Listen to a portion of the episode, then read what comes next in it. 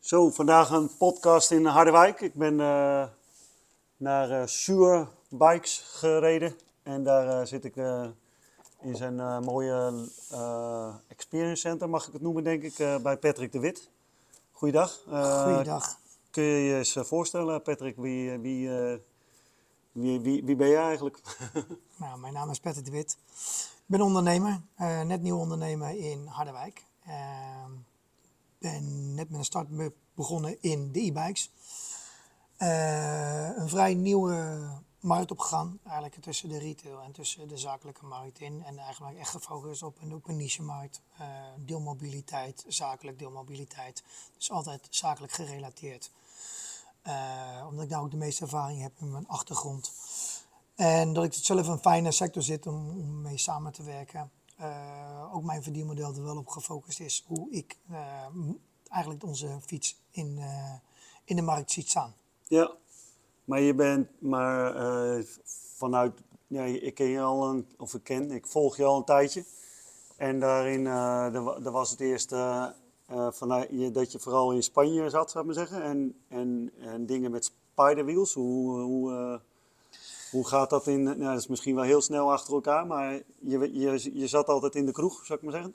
Precies. Ik, uh, mijn ondernemerschap is begonnen als, uh, eigenlijk als uh, horecaondernemer. ik heb de afgelopen 25 jaar in Spanje geleefd en gewoond op het eiland Mallorca. En daar ben ik ooit een keer ingerold in de horeca.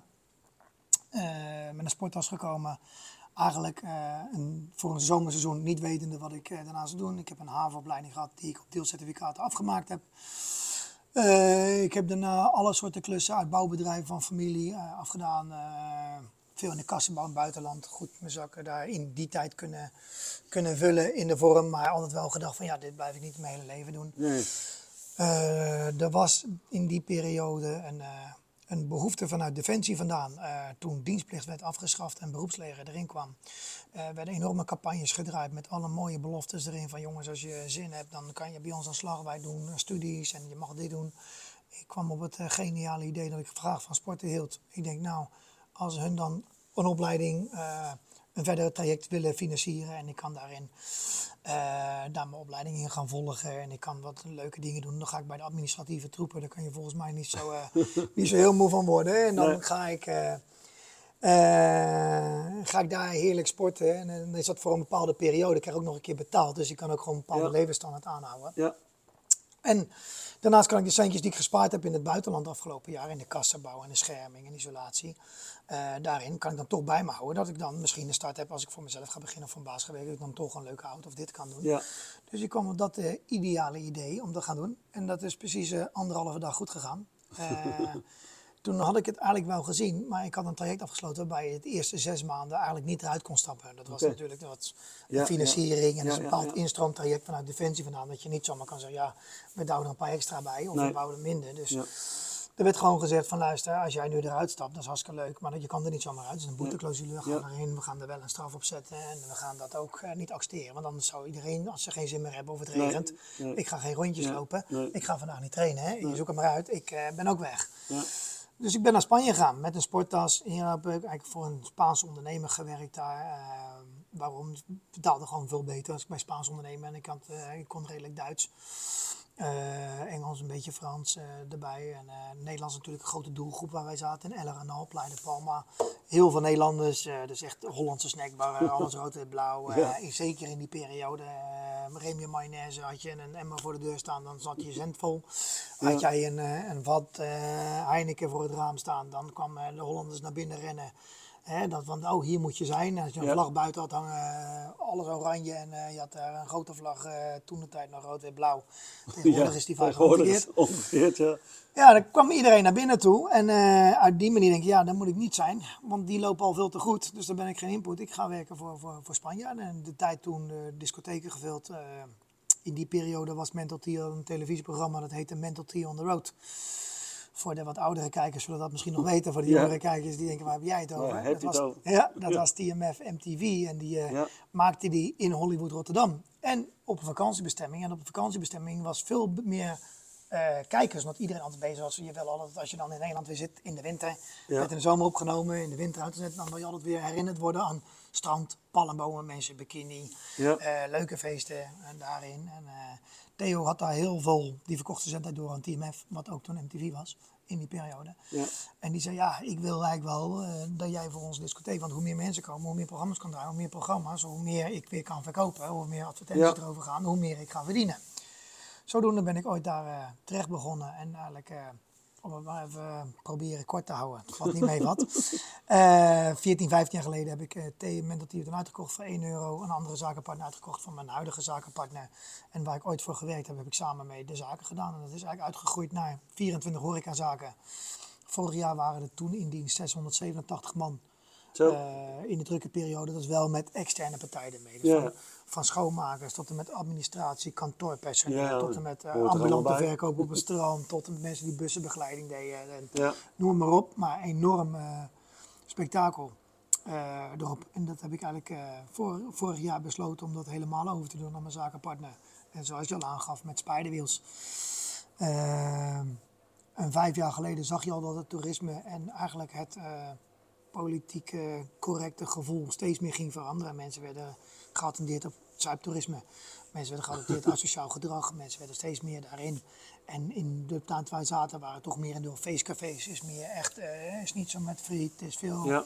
uh, flukeltjes, veel zuipgedachten bij. En die zaken draaien nog steeds. Maar je ziet ook een ander soort toerisme. Wij speelden toen erop om bijvoorbeeld uh, veel nieuwe restaurants te gaan bouwen richting sushi, richting Sky Lounge. Dus wat nooit was, maar toen had je een shotjeskaart en nu hadden we een kaart met cocktails of gin tonic kaart.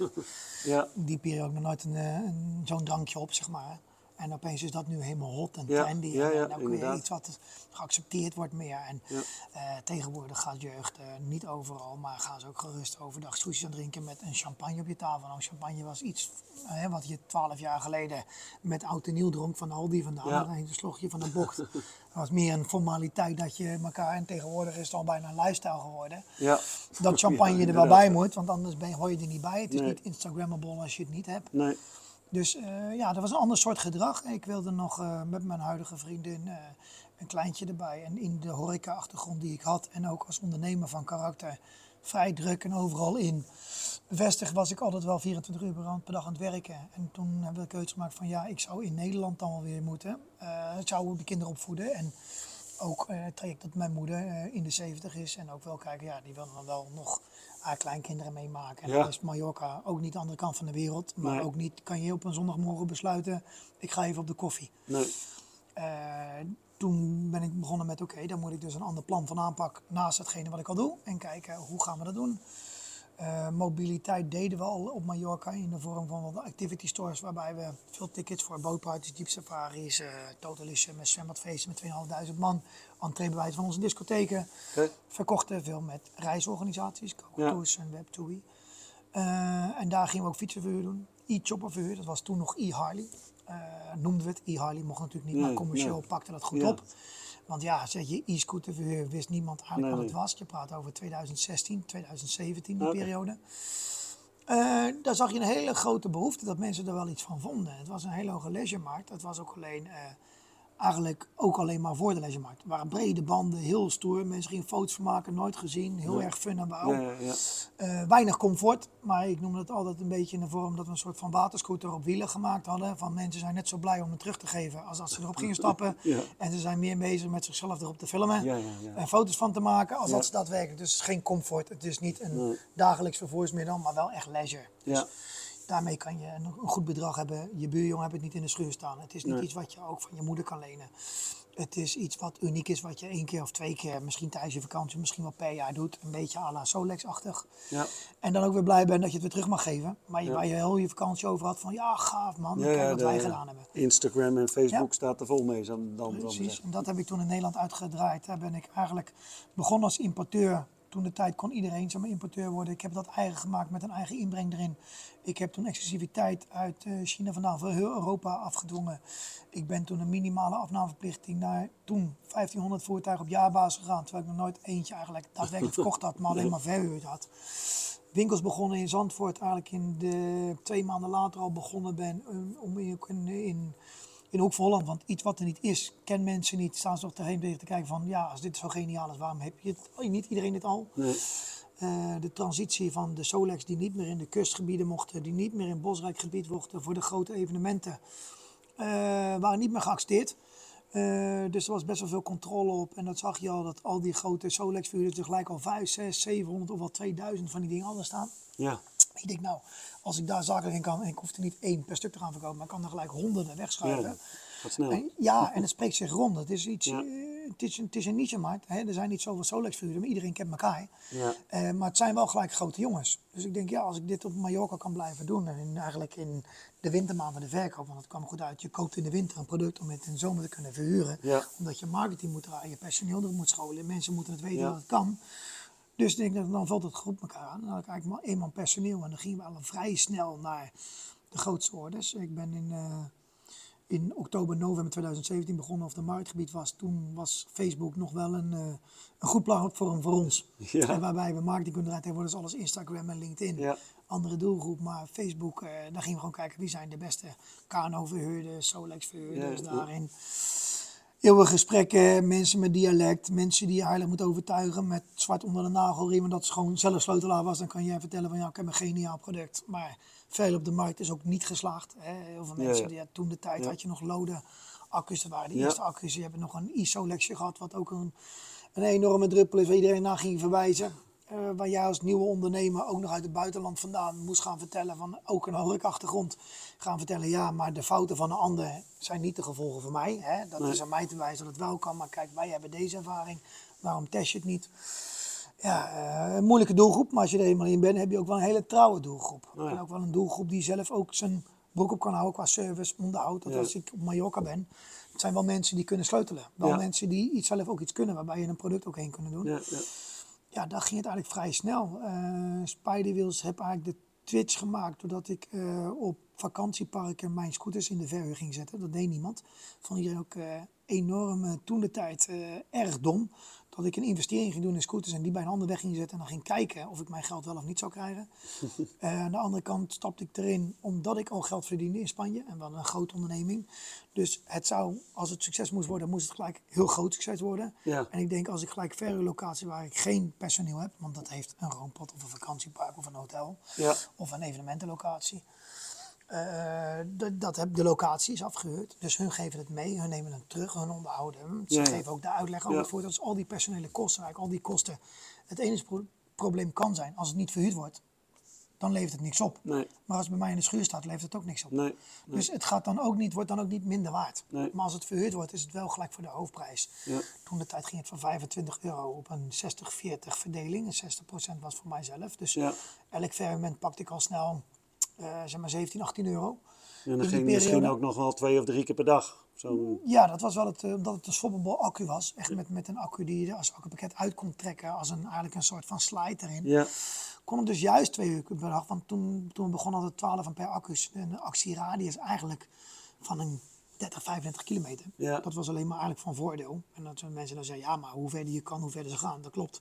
Maar dan moet je ook verder erachteraan, omdat je een accu-pakket moest wikkelen, Ja. wisselen. En je moest ook verder achteraan, omdat er eentje weer niet stil stond of zijn sleutel was kwijt of was. zo, of dat ze de stekker niet goed erin gestuurd hadden. Of dat iemand 140 kilo weegt. En wij als nou als de kleinste van de groep nou half onderweg wil ruiselen met, met de dikste. Zoiets. Dan ben je in ieder geval, kom je allebei aan. Ja. Maar als die dikke onderweg niet gaat ruilen, hè, dan, eh, maar even heel cru gezegd, Ja. eh, dan ga je er onderweg misschien wel een probleem krijgen. Hè? Onverharde wegen, zandpaadjes, wat in Zeeland wel heel stoer is natuurlijk. Maar ja, dan gaat hij ook meer actieradius gebruiken. Ja. Nou, dat bedrijf kon ik in augustus 2021 verkopen. Maar dat was eigenlijk mijn insteek geweest, omdat dat mijn nieuwe, eh, mijn nieuwe inkomsten zou zijn. Ja. Als ik in Nederland zou gaan wonen. En toen kreeg ik eigenlijk een aanbod, eh, omdat we toen al met 1200 voertuigen op alle grote labels in Nederland stonden. Bij Roompot, Landel, eh Curious, die later Roompot geworden is. Europark, Stopparken, Zesparken, Molenkaten, eh, alle Fletcher hotels, Van de Valk, Van de Valk exclusieve hotels. Van de hotel gingen ze opeens zo naar hotel, naar, naar, of sorry, van de vakantieparken werd het naar de hotels. Ja. Van de evenementenlocatie ging het ook daarheen, Ja. omdat iedereen zag dat iedereen dezelfde scooters ging gebruiken. kwam er ook een bepaald vertrouwen de markt in. We waren een Nederlands product, Nederlands en iedereen ging refereren. Ja, er zijn meer partijen die scooters aanbieden, maar ja, dit is de goede, want anders zou iedereen dit niet hebben. Nee. Ja, dat was eigenlijk een goed in, uh, verdienmodel. En zeker in de periode met corona, waarbij uh, horeca zelf niks mocht, maar toch mensen wel. Want straks mogen we misschien weer open, dus ik wil die mensen wel vasthouden. Maar als ik geen extra inkomsten heb, kan ik dat niet doen. Dus je kon nee. lunchpakketten meegeven. Het was natuurlijk buiten, het was ander, altijd anderhalve meter op zo'n scooter. ja, ja. Want die had je toch wel. Het was buitenlucht, maar je kon wel een lunchpakketje meegeven. Of uh, koffie met gebak meegeven, waarbij je toch nog... Hè, ze hoeven er niet op je terras te zitten, maar je nee. kan toch wat verdienen. Je kan je personeel aanhouden. Uh, hotels waren bezig met als je niet in je hotel mocht je wel blijven, maar moest je eten in de kamer. Ja, daar neem je geen hotelovernachting voor. Nee. Dus nu kon je dan zeg maar zeggen, nou goed, ga lekker overdag naar een teken, weet je. En dan kon je daar gewoon koffie met gebak halen op een terrasje. Ja. Want dat mocht wel. Uh, je mocht onderweg een lunchpakketje meenemen. Ze konden wel dus een arrangement aanbieden. We doen een overnachting met dat. Meer naar gozers van uh, met name Fletcher. Dat zat toen bij, wekelijks bij Harry Mens. Daar ben ik zelf ook nog een paar keer geweest. En okay. zei, hey, doe lekker een, een, arrangementje bij je vier overnachtingen. En elke dag pak je dus een e-chopper vanaf een andere locatie. Dus dan slaap je daar en daar en je bagage wordt nageleverd. Dan bleef het, uh, noemen ze klavertje 4 Ja. concept. Dus ze zat heel erg daarop. Zie je met veel hotels, eh, ja tenminste Ja. dat zie ik dan met e-bikes en zo inderdaad. Precies, Ja. en die, ja, dat was ook voor de, eigenlijk de fietsenmarkt hetzelfde. Wij deden toen de tijd eh, heel veel service en heel veel vergelijking met eh, Rob Collins van eh Cycleshare. En dat zag je ook, eh, de hotels overnachten in de vakantieparken, die hadden dus geen hoogseizoen met zes maanden. Die Nee. opeens twaalf maanden, want iedereen ja. bleef in eigen land. Ja. Je kon met de auto maar ergens heen, maar je ging niet meer vliegen, omdat het best wel moeilijk was natuurlijk toen om vakantie te gaan. Dus het was gewoon twaalf maanden hoogseizoen, dus je moest twaalf maanden mensen entertainen. Dus daar moest gewoon iets bij, een soort activiteit, arrangementjes en Ja. Ook de evenementensector, die mocht eigenlijk niks meer binnen doen. Dus je mocht niet gezamenlijk in grote groepen nee, doen. nee. Maar op een fiets of een andere activiteit, een kano, heb je die anderhalve meter. Mocht je dat groepsgewijs elke keer een bedje van tien laten wegrijden. En dan kon Ja, je ja. toch als groep iets doen. En het was buitenlucht. En het Ja. was... Dus die enorme hype hebben we meegemaakt. En toen kreeg ik eigenlijk eh, de vraag van ja, wil je het niet verkopen? Of eigenlijk eerst een grote klant die vond, kan ik niet die conciliatiepartij overnemen? En het waren net allemaal nieuwe contracten waarbij ik eigenlijk gezegd heb, ja, maar dat is eigenlijk mijn verdienmodel. Ja, maar als producent zijn, dan moet je niet proberen je eigen verdienmodel, want dan gaan mensen je niet meer afnemen. Ik zei, ja, maar dat had ik in die fase, daar hebben ze helemaal gelijk in. Maar in die fase waar ik zat met een nicheproduct, had ik dus eigen verhuurlocaties. Ik had e-chopper tours, waar ik platformen, waarbij ik verschillende verhuurlocaties aan elkaar op locatie kon leveren. We hadden af en toe 500, 600 e-choppers in Zandvoort op locatie geleverd. We hadden die vakantieparken die eigenlijk recurring revenue, continu geld instromen, zowel zomer als winter geld binnen bleven komen. Ja. En enorme verkoop, omdat iedereen dacht dat dit de beste e-chopper was, omdat iedereen het gebruikte. Ja. Bleef dat ook zo. Dat was ook wel heel sterk. Hè? We hadden natuurlijk, en nu rijden ze al zes jaar rond en de eerste batch die ooit geleverd zijn, eh, die zijn in 2018 hier in Nederland, maar die liepen nog steeds uit Spanje vandaan zijn die overgekomen, zijn eigenlijk nog ouder. Maar die rijden nu nog steeds. De allereerste rijden nog allemaal nog steeds. En het is heel makkelijk eigenlijk toen de circulaire gedachte, wat je nu hoort bijvoorbeeld met een roots. Ja, nu nog steeds. Je doet een ander motortje erop, dat zit in het achterwiel. Of je gooit een nieuw accu'tje erop. Maar het stalen frame is nog steeds het stalen frame. De banden staan nog steeds van de eerste batch erop. Die waren zo massief en zo breed. Die had je zo raakvlak. En die waren zo stuiten, zo, zo, zo hard. En zo hufteproof. Dat die banden eigenlijk nog nooit veranderd zijn eh, in die hele periode. Dus zodoende heb ik uh, Spideywheels verkocht. En ook eigenlijk mijn horeca-achtergrond. En toen ging ik op zoek, eh, wat ga ik dan als ondernemer doen? Ja. Was er in één keer een eh, nieuwe Patrick de Wit nodig? Of, eh, Nou, als ondernemer ben je altijd bezig van dat je altijd met een doel hebt van nou, als ik het later voor elkaar heb en als ik het goed heb, dan Ja. ga ik dit doen. Eh, ik heb altijd wel voor- voorgenomen, want je moet altijd wel een plan voor je hebben. En als ondernemer kan je natuurlijk zelf Ja. altijd je plan een beetje aan de touwtjes trekken en een beetje Ja. het spoor nog wel eens verwisselen van oké, ga ik dat een paar jaar langer doen of gaat mijn insteek was om dit te gaan doen en nu ga je uiteindelijk daarin zie dat dat niet aanslaat of dat jouw project niet aanslaat, kan je Mhm. ook kiezen om een ander spoor te gaan volgen. Maar het idee was van wel, ja, dan wil ik dat gaan doen. En eh, toen was ik 45 en had ik eh, eigenlijk twee grote bedrijven verkocht. Toen was ik financieel vrij voor mezelf in de behoefte. Eh, kijk, je kan financieel vrij zijn, financieel vrij zijn. Maar ik kon in ieder geval gemakkelijke keuze maken, zodat ik niet gelijk weer hoefde te werken. Eh, en dan, dan heb je een bedinging van concurrentie. Ik had een horeca-achtergrond, Ja. maar in Spanje wilde ik al als het nemen van mijn horeca. Waarom zou ik in Nederland de horeca ingaan? ja. Ehm, ik had een concurrentiebeding. Het andere netwerk wat ik had, dat was eigenlijk e-choppers, e-scooters, eigenlijk leisuremarkt. Ja. Maar ik een concurrentiebeding liggen tot half augustus 2024. Waarbij ik ook niet zo snel dan weer de Nee. markt op kon. Of niet ging, maar even daarop te noemen. Ik kon me natuurlijk nog wel actief maken, maar dan moest ik dus voor een baas gaan werken. En daar ben ik ook te eigenwijs voor. En, Eh, ook te veel ondernemen van met name een start-up fase om, om dat te gaan doen. Uh, ook dan, als je dan op een gegeven moment een bepaalde vrijheid hebt gehad, wil je dan dit nog zeg maar wel op door blijven gaan voor een ander doen of niet. Ik heb op 12 augustus 2021 het bedrijf verkocht en 13 augustus 2021, dus een dag later, zat ik al bij een softwarebedrijf. en daarin heb ik eigenlijk een platform laten realiseren waarbij ik eigenlijk de verhuur op commissiebasisverdeling per product. En uh, eigenlijk is het een, een all-in-one ontzorgingsboekingsplatform. Vanuit eigenlijk de gedachte van een vakantiepark, een hotel of een evenementenlocatie. Waarbij ik vast kan leggen, oké, hoeveel voorraad heb ik nog? Uh, wat levert mij een product op? En met tijdsloten erop, wanneer kan ik het weer verhuren? Dus als jij bijvoorbeeld zo'n heatchopper had en uh, jij kon hem meerdere keer per dag verhuren, had je een tweede batterij, kon je hem eigenlijk elk het tijdvak wel door blijven huren. Maar heb je hem bijvoorbeeld niet, moet je tussendoor laden, dan moest dat wel een buffertijd ingenomen worden. Waarbij slimme tijd, hoe dat dan kon. En een vakantiepark waarbij je meerdere vestigingen hebt in een franchise vorm. Uh, die hebben af en toe kanen van zichzelf, waterfietsen van zichzelf, fietsen van een andere conciliatiepartij of van zichzelf, uh, tandems uh, daarin en e-choppers van een partij en misschien wel midget golf erbij en een bowling en een yeah. toegang van het zwembad. En dat moest altijd weer naar de receptie toe en dan moest, ja, we willen vandaag zwemmen, kan dat nog? Nou, dan gaat de receptie kijken, oh, ik kan je tijd opgeven daar. Wat je op je vakantie niet wil, is dat iemand jou gaat bepalen, of wat iets mag of niet mag. En dat is natuurlijk een bepaalde vrijheid die je probeert aan je vakantie. Je hebt heel je leven al verplichtingen naar personeel, of verplichtingen naar je werkgever, of verplichtingen naar je partner, of naar kinderen, of naar school, of wat dan ook. Dat je moet doen. Op vakantie wil je alleen maar weten wanneer het wel kan. En uit die gedachte hebben we eigenlijk vanuit de beharten van de gebruiker. Dus als jij bent op een vakantiepark en jij wil iets doen, dan wil je niet horen wanneer het niet kan. Jij wil beschikbaar zien wanneer het wel kan. In theorie blijft dat hetzelfde want nog steeds, dat wil ze dan zeggen dat je dat andere niet kan. Nee, maar je hebt het gevoel van, oh, dan en dan kan ik. Ja, en niet van dan en dan mag je nee, niet. de eigen macht hebben. Juist. En dat voelt toch anders. En als vakantiepark of hotel, of in ieder geval van groot, maar wil je de adminfunctie hebben, dat je eigenlijk vanuit het hoofdkantoor vandaan kan zien, oké, wat is er nou daadwerkelijk nou verhuurd? Hoe zit het aan mijn vloot? Dat je geen uh, mensen kan zeggen, ja, ik heb dit geboekt, maar nu is een dag eerder een lekker band geweest. Dus die scooter, die fiets of wat dan ook, step, uh, tandem is niet gemaakt. Dus nu krijg je weer een teleurstelling. En je wil geen teleurstelling meer op vakantie. He, want dan is eigenlijk ook gelijk de hele sfeer verpest. Dus uh, je kan dus nooit je volledige vloot inzetbaar maken. je kan je reverse billing, dus iemand is om wat voor reden dan ook door zijn enkel gegaan of die heeft een probleem en die wil dan toch annuleren en met een goede reden, ja, dan moet het geld weer terug wat al betaald is. Nou, dat kan op een scheve houding. Het staat op een andere bankrekening. Hoe ga je dat geld terugkrijgen? Dan krijg je een reverse billing. Hoe moet het met elkaar geregeld? Of iemand betaalt eigenlijk nog een derde persoon, die een buurjongen wil ook opeens mee met jou met een e-shopper, een water, scooter. En die gaat daar de volle 100% betalen. Dan krijg je een scheve houding van ja, maar je zou 60-40 krijgen, 70-30 krijgen. Uh, op een fiets is misschien een verdeling van 80-20, op een e-chopper 60-40. Dus je kan niet in één winkelmandje gooien. Nou, Nu kan je eigenlijk alles in één systeem gooien. En het systeem split op de achterkant houdt gewoon bij, oké, wie is de belanghebbende?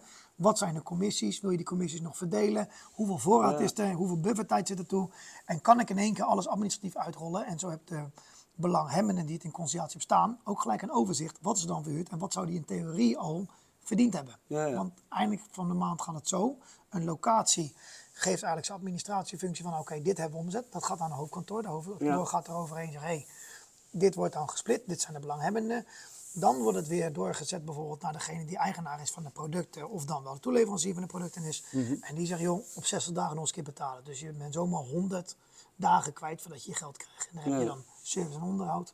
Dan heb je financiering voor een product die aan opschrijving staat, staat. Wij konden dat wel monitoren, we eigen verhuur hadden en ook verkoop in de zomer hadden. Dus in de wintermaanden kreeg ik mijn centen van de verhuur van de zomer. Dat was wel lekker, dan bleef ik continue geldstroom hebben. Ja, ja, maar ik snap ook voor een wat kleinere verhuurpartij, die denkt ja. wacht eventjes, ik ben nu financier van een vakantiepark geworden. Nu is het eigenlijk een omgedraaide wereld.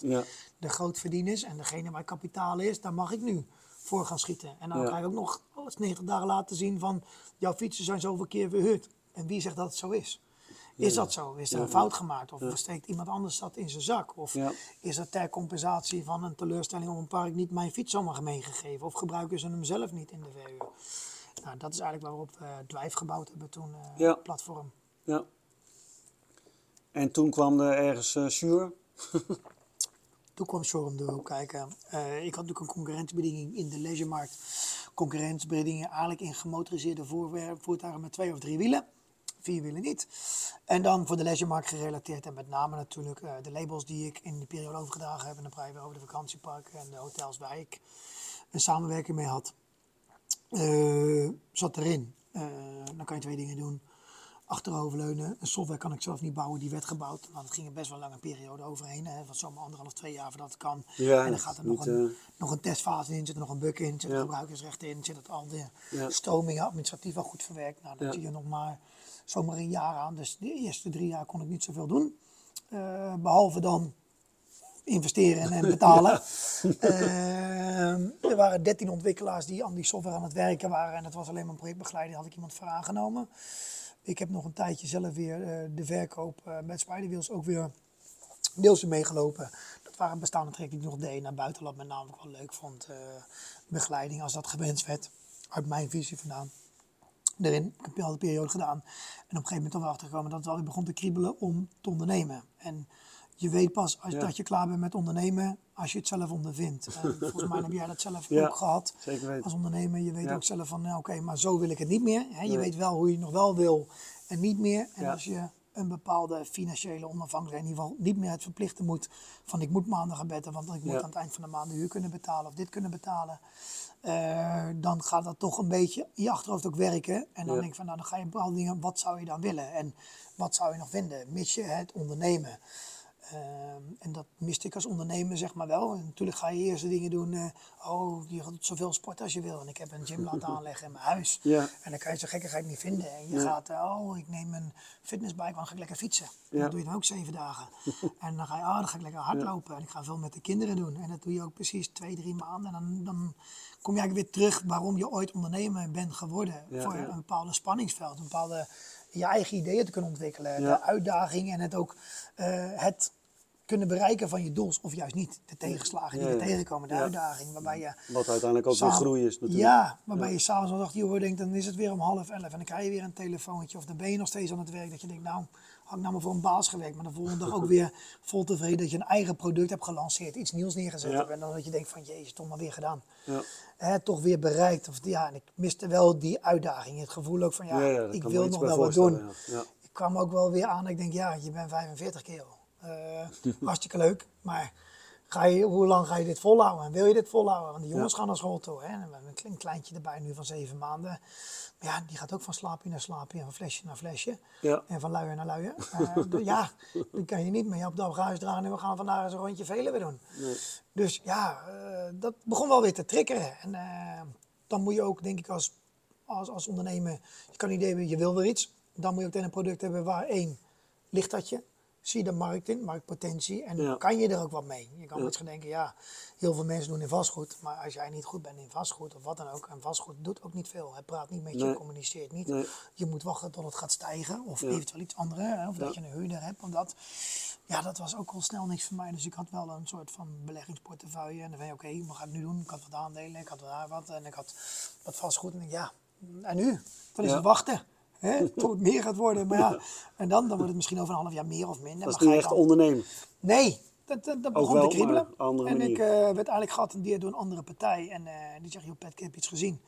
En ik denk dat dat uh, misschien wel iets voor jou is. En bla bla bla bla bla. En dat is eigenlijk een, een fiets. En die hebben een nieuw soort accutechniek. En waar ik ook nog nooit van gehoord had. En volgens mij nog steeds nu niet. En dat was een super capacitor battery. Dus een super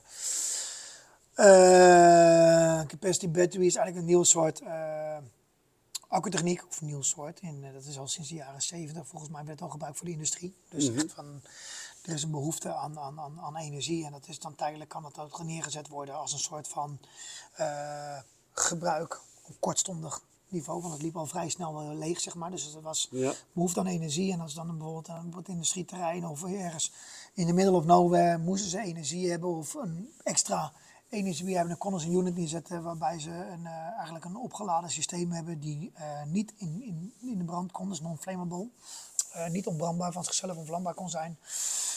kon dat gebruikt worden en dat hadden ze nu op een bepaalde manier zo gedaan dat het ook beschikbaar kon zijn, onder andere van micromobiliteit.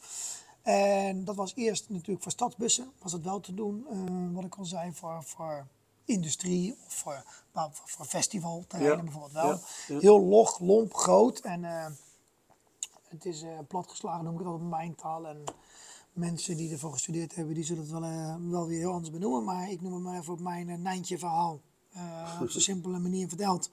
je hebt een plus en min en wordt eigenlijk daarin gescheiden. Dus als het niet met elkaar in contact is, is het non-flammable. Daar kan het heel snel ontladen. Dus op die USP's terug te komen, dat heet tegenwoordig al UBS, de Unique Buying Reasons.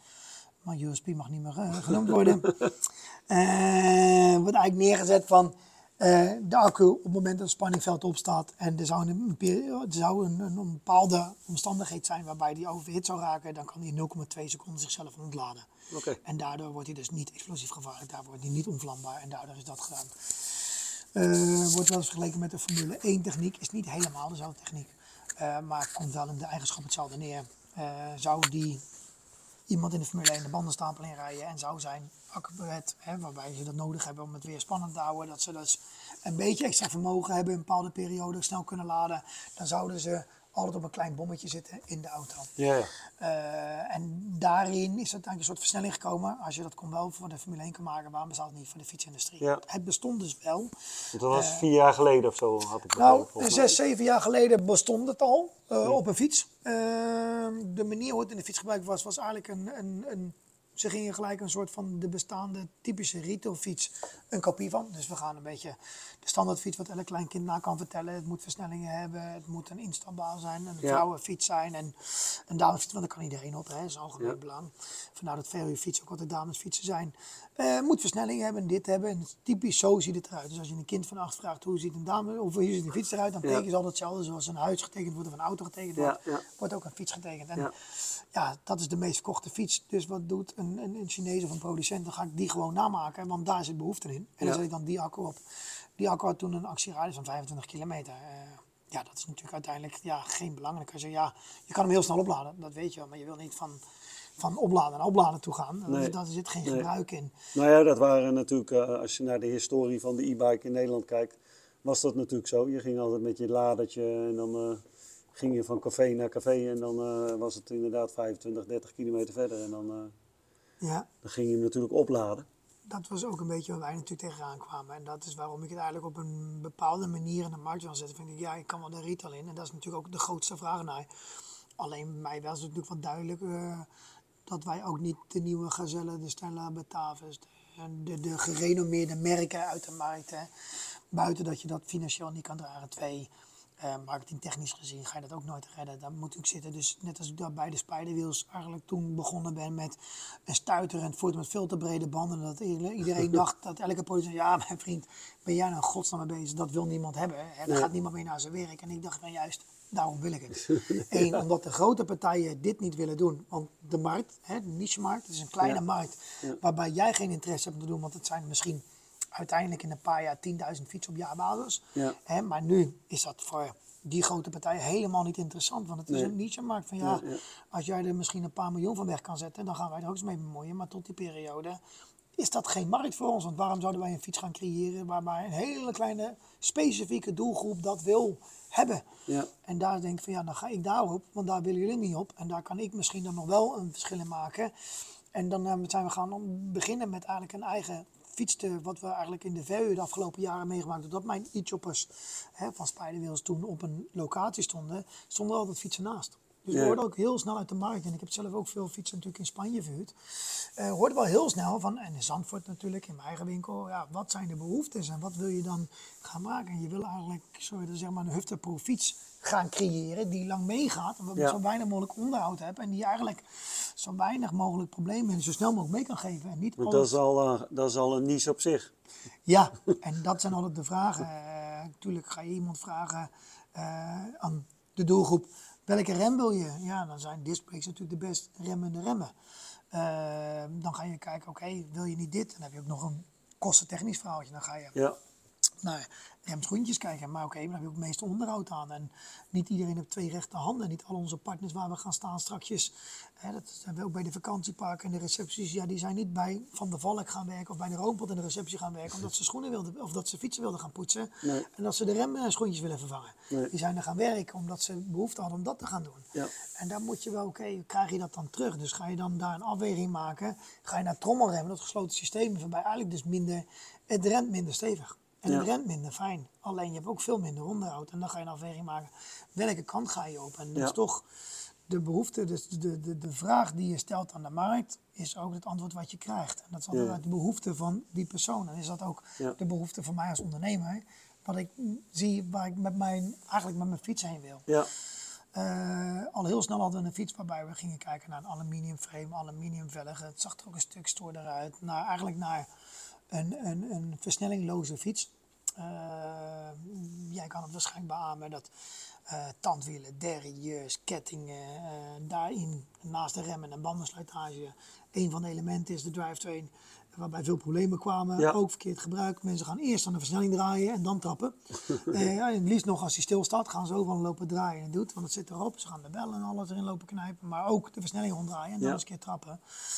Eh, ja, dan springt de ketting eraf. Dan moet je niet iemand verwachten die bij de receptie werkt, dat ze dan even zeg ik zo, maar op gaan stropen en die ketting erop leggen. nee, En hij is kapot, gaat het maar oplossen. Ja. En als je dan een service telefoonnummer hebt, dan gaan ze gewoon bellen. ja, eh, dat dat gebeurd moet worden. En wij dachten dat we naar een single speed gingen. Dus naar eigenlijk een trapsysteem gingen, waarbij die ketting eraf gingen geven. En eigenlijk de, de motor, wij denken dat een e-bike, of dat is eigenlijk de eerste gedachte, een e-bike een soort assist moet zijn op de behoeften van de, de rijder.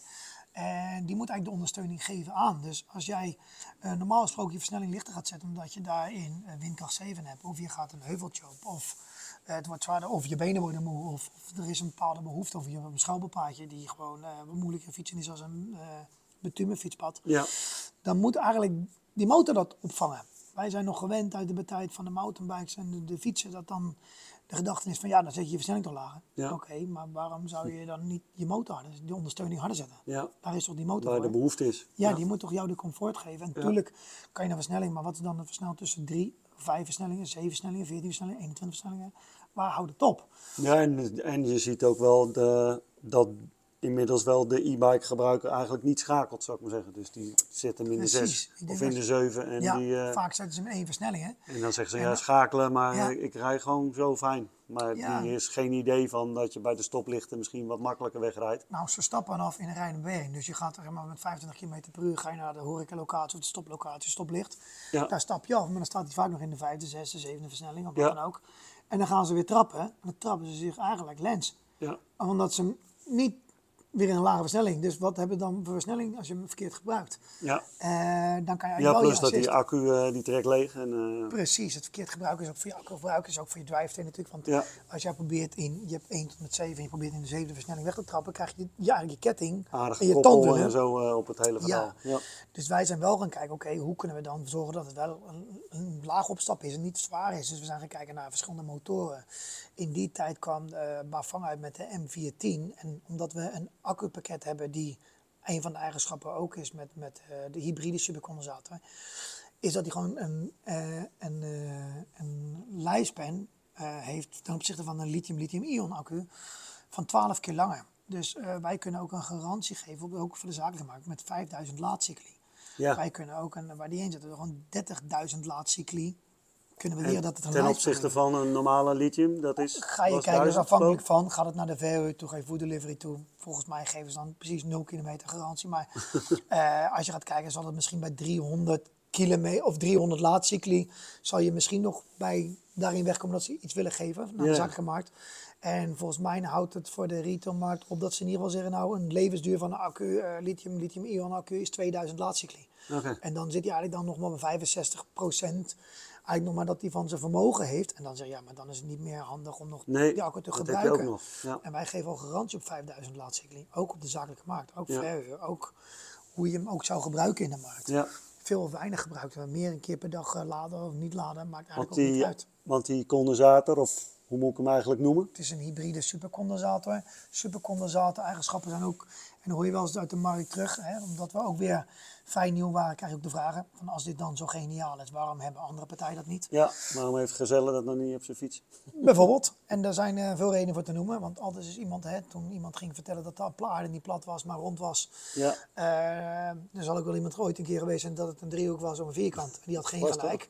Maar uh, ja, toen ging iedereen natuurlijk ook zeggen daarin. daarin altijd moet je uh, er zit altijd iemand dat zegt, er zijn altijd wel behoeftes. We snappen ook dat grote producenten die lithium afhankelijk zijn van lithium, lithium-ion. En die uh, miljoenen fietsen op jaarbasis gaan creëren. Dan hebben ze ook een afnameverplichting. Die kunnen niet vandaag op morgen zeggen, we gaan dit doen. Dat is één. Uh, wij weten ook als er iets nieuws de markt in kan, dat het ook een schaalbaarheid is. Dan kan het niet in één keer zeggen, nou goed, als geniaal, doen morgen maar 30.000 van die accu's. Ook de producent gaat daar wel schaalbaarheid. En zeker in Azië kunnen ze die schaalbaarheid wel vrij snel opwaarderen. Maar nog steeds zit er wel een productieproces in. Ja. Kan het niet vandaag op morgen zeggen, nou doe er maar 30.000. Nee. Kan je wel zeggen, maar je kan ze alleen niet leveren. Of niet binnen een bepaalde... Dus je kan de afname wel garant zetten, maar dat kunnen ze niet doen. Uh, buiten dat de grote producenten altijd dan in ieder geval een testcasus willen hebben. Waarbij hun zullen zeggen, twee, drie jaar moet het kunnen. Want als wij het wel gaan doen, dan moeten wij het altijd wel ook aan de retail market, aan de, aan de privé sector aan gaan bieden. Ja.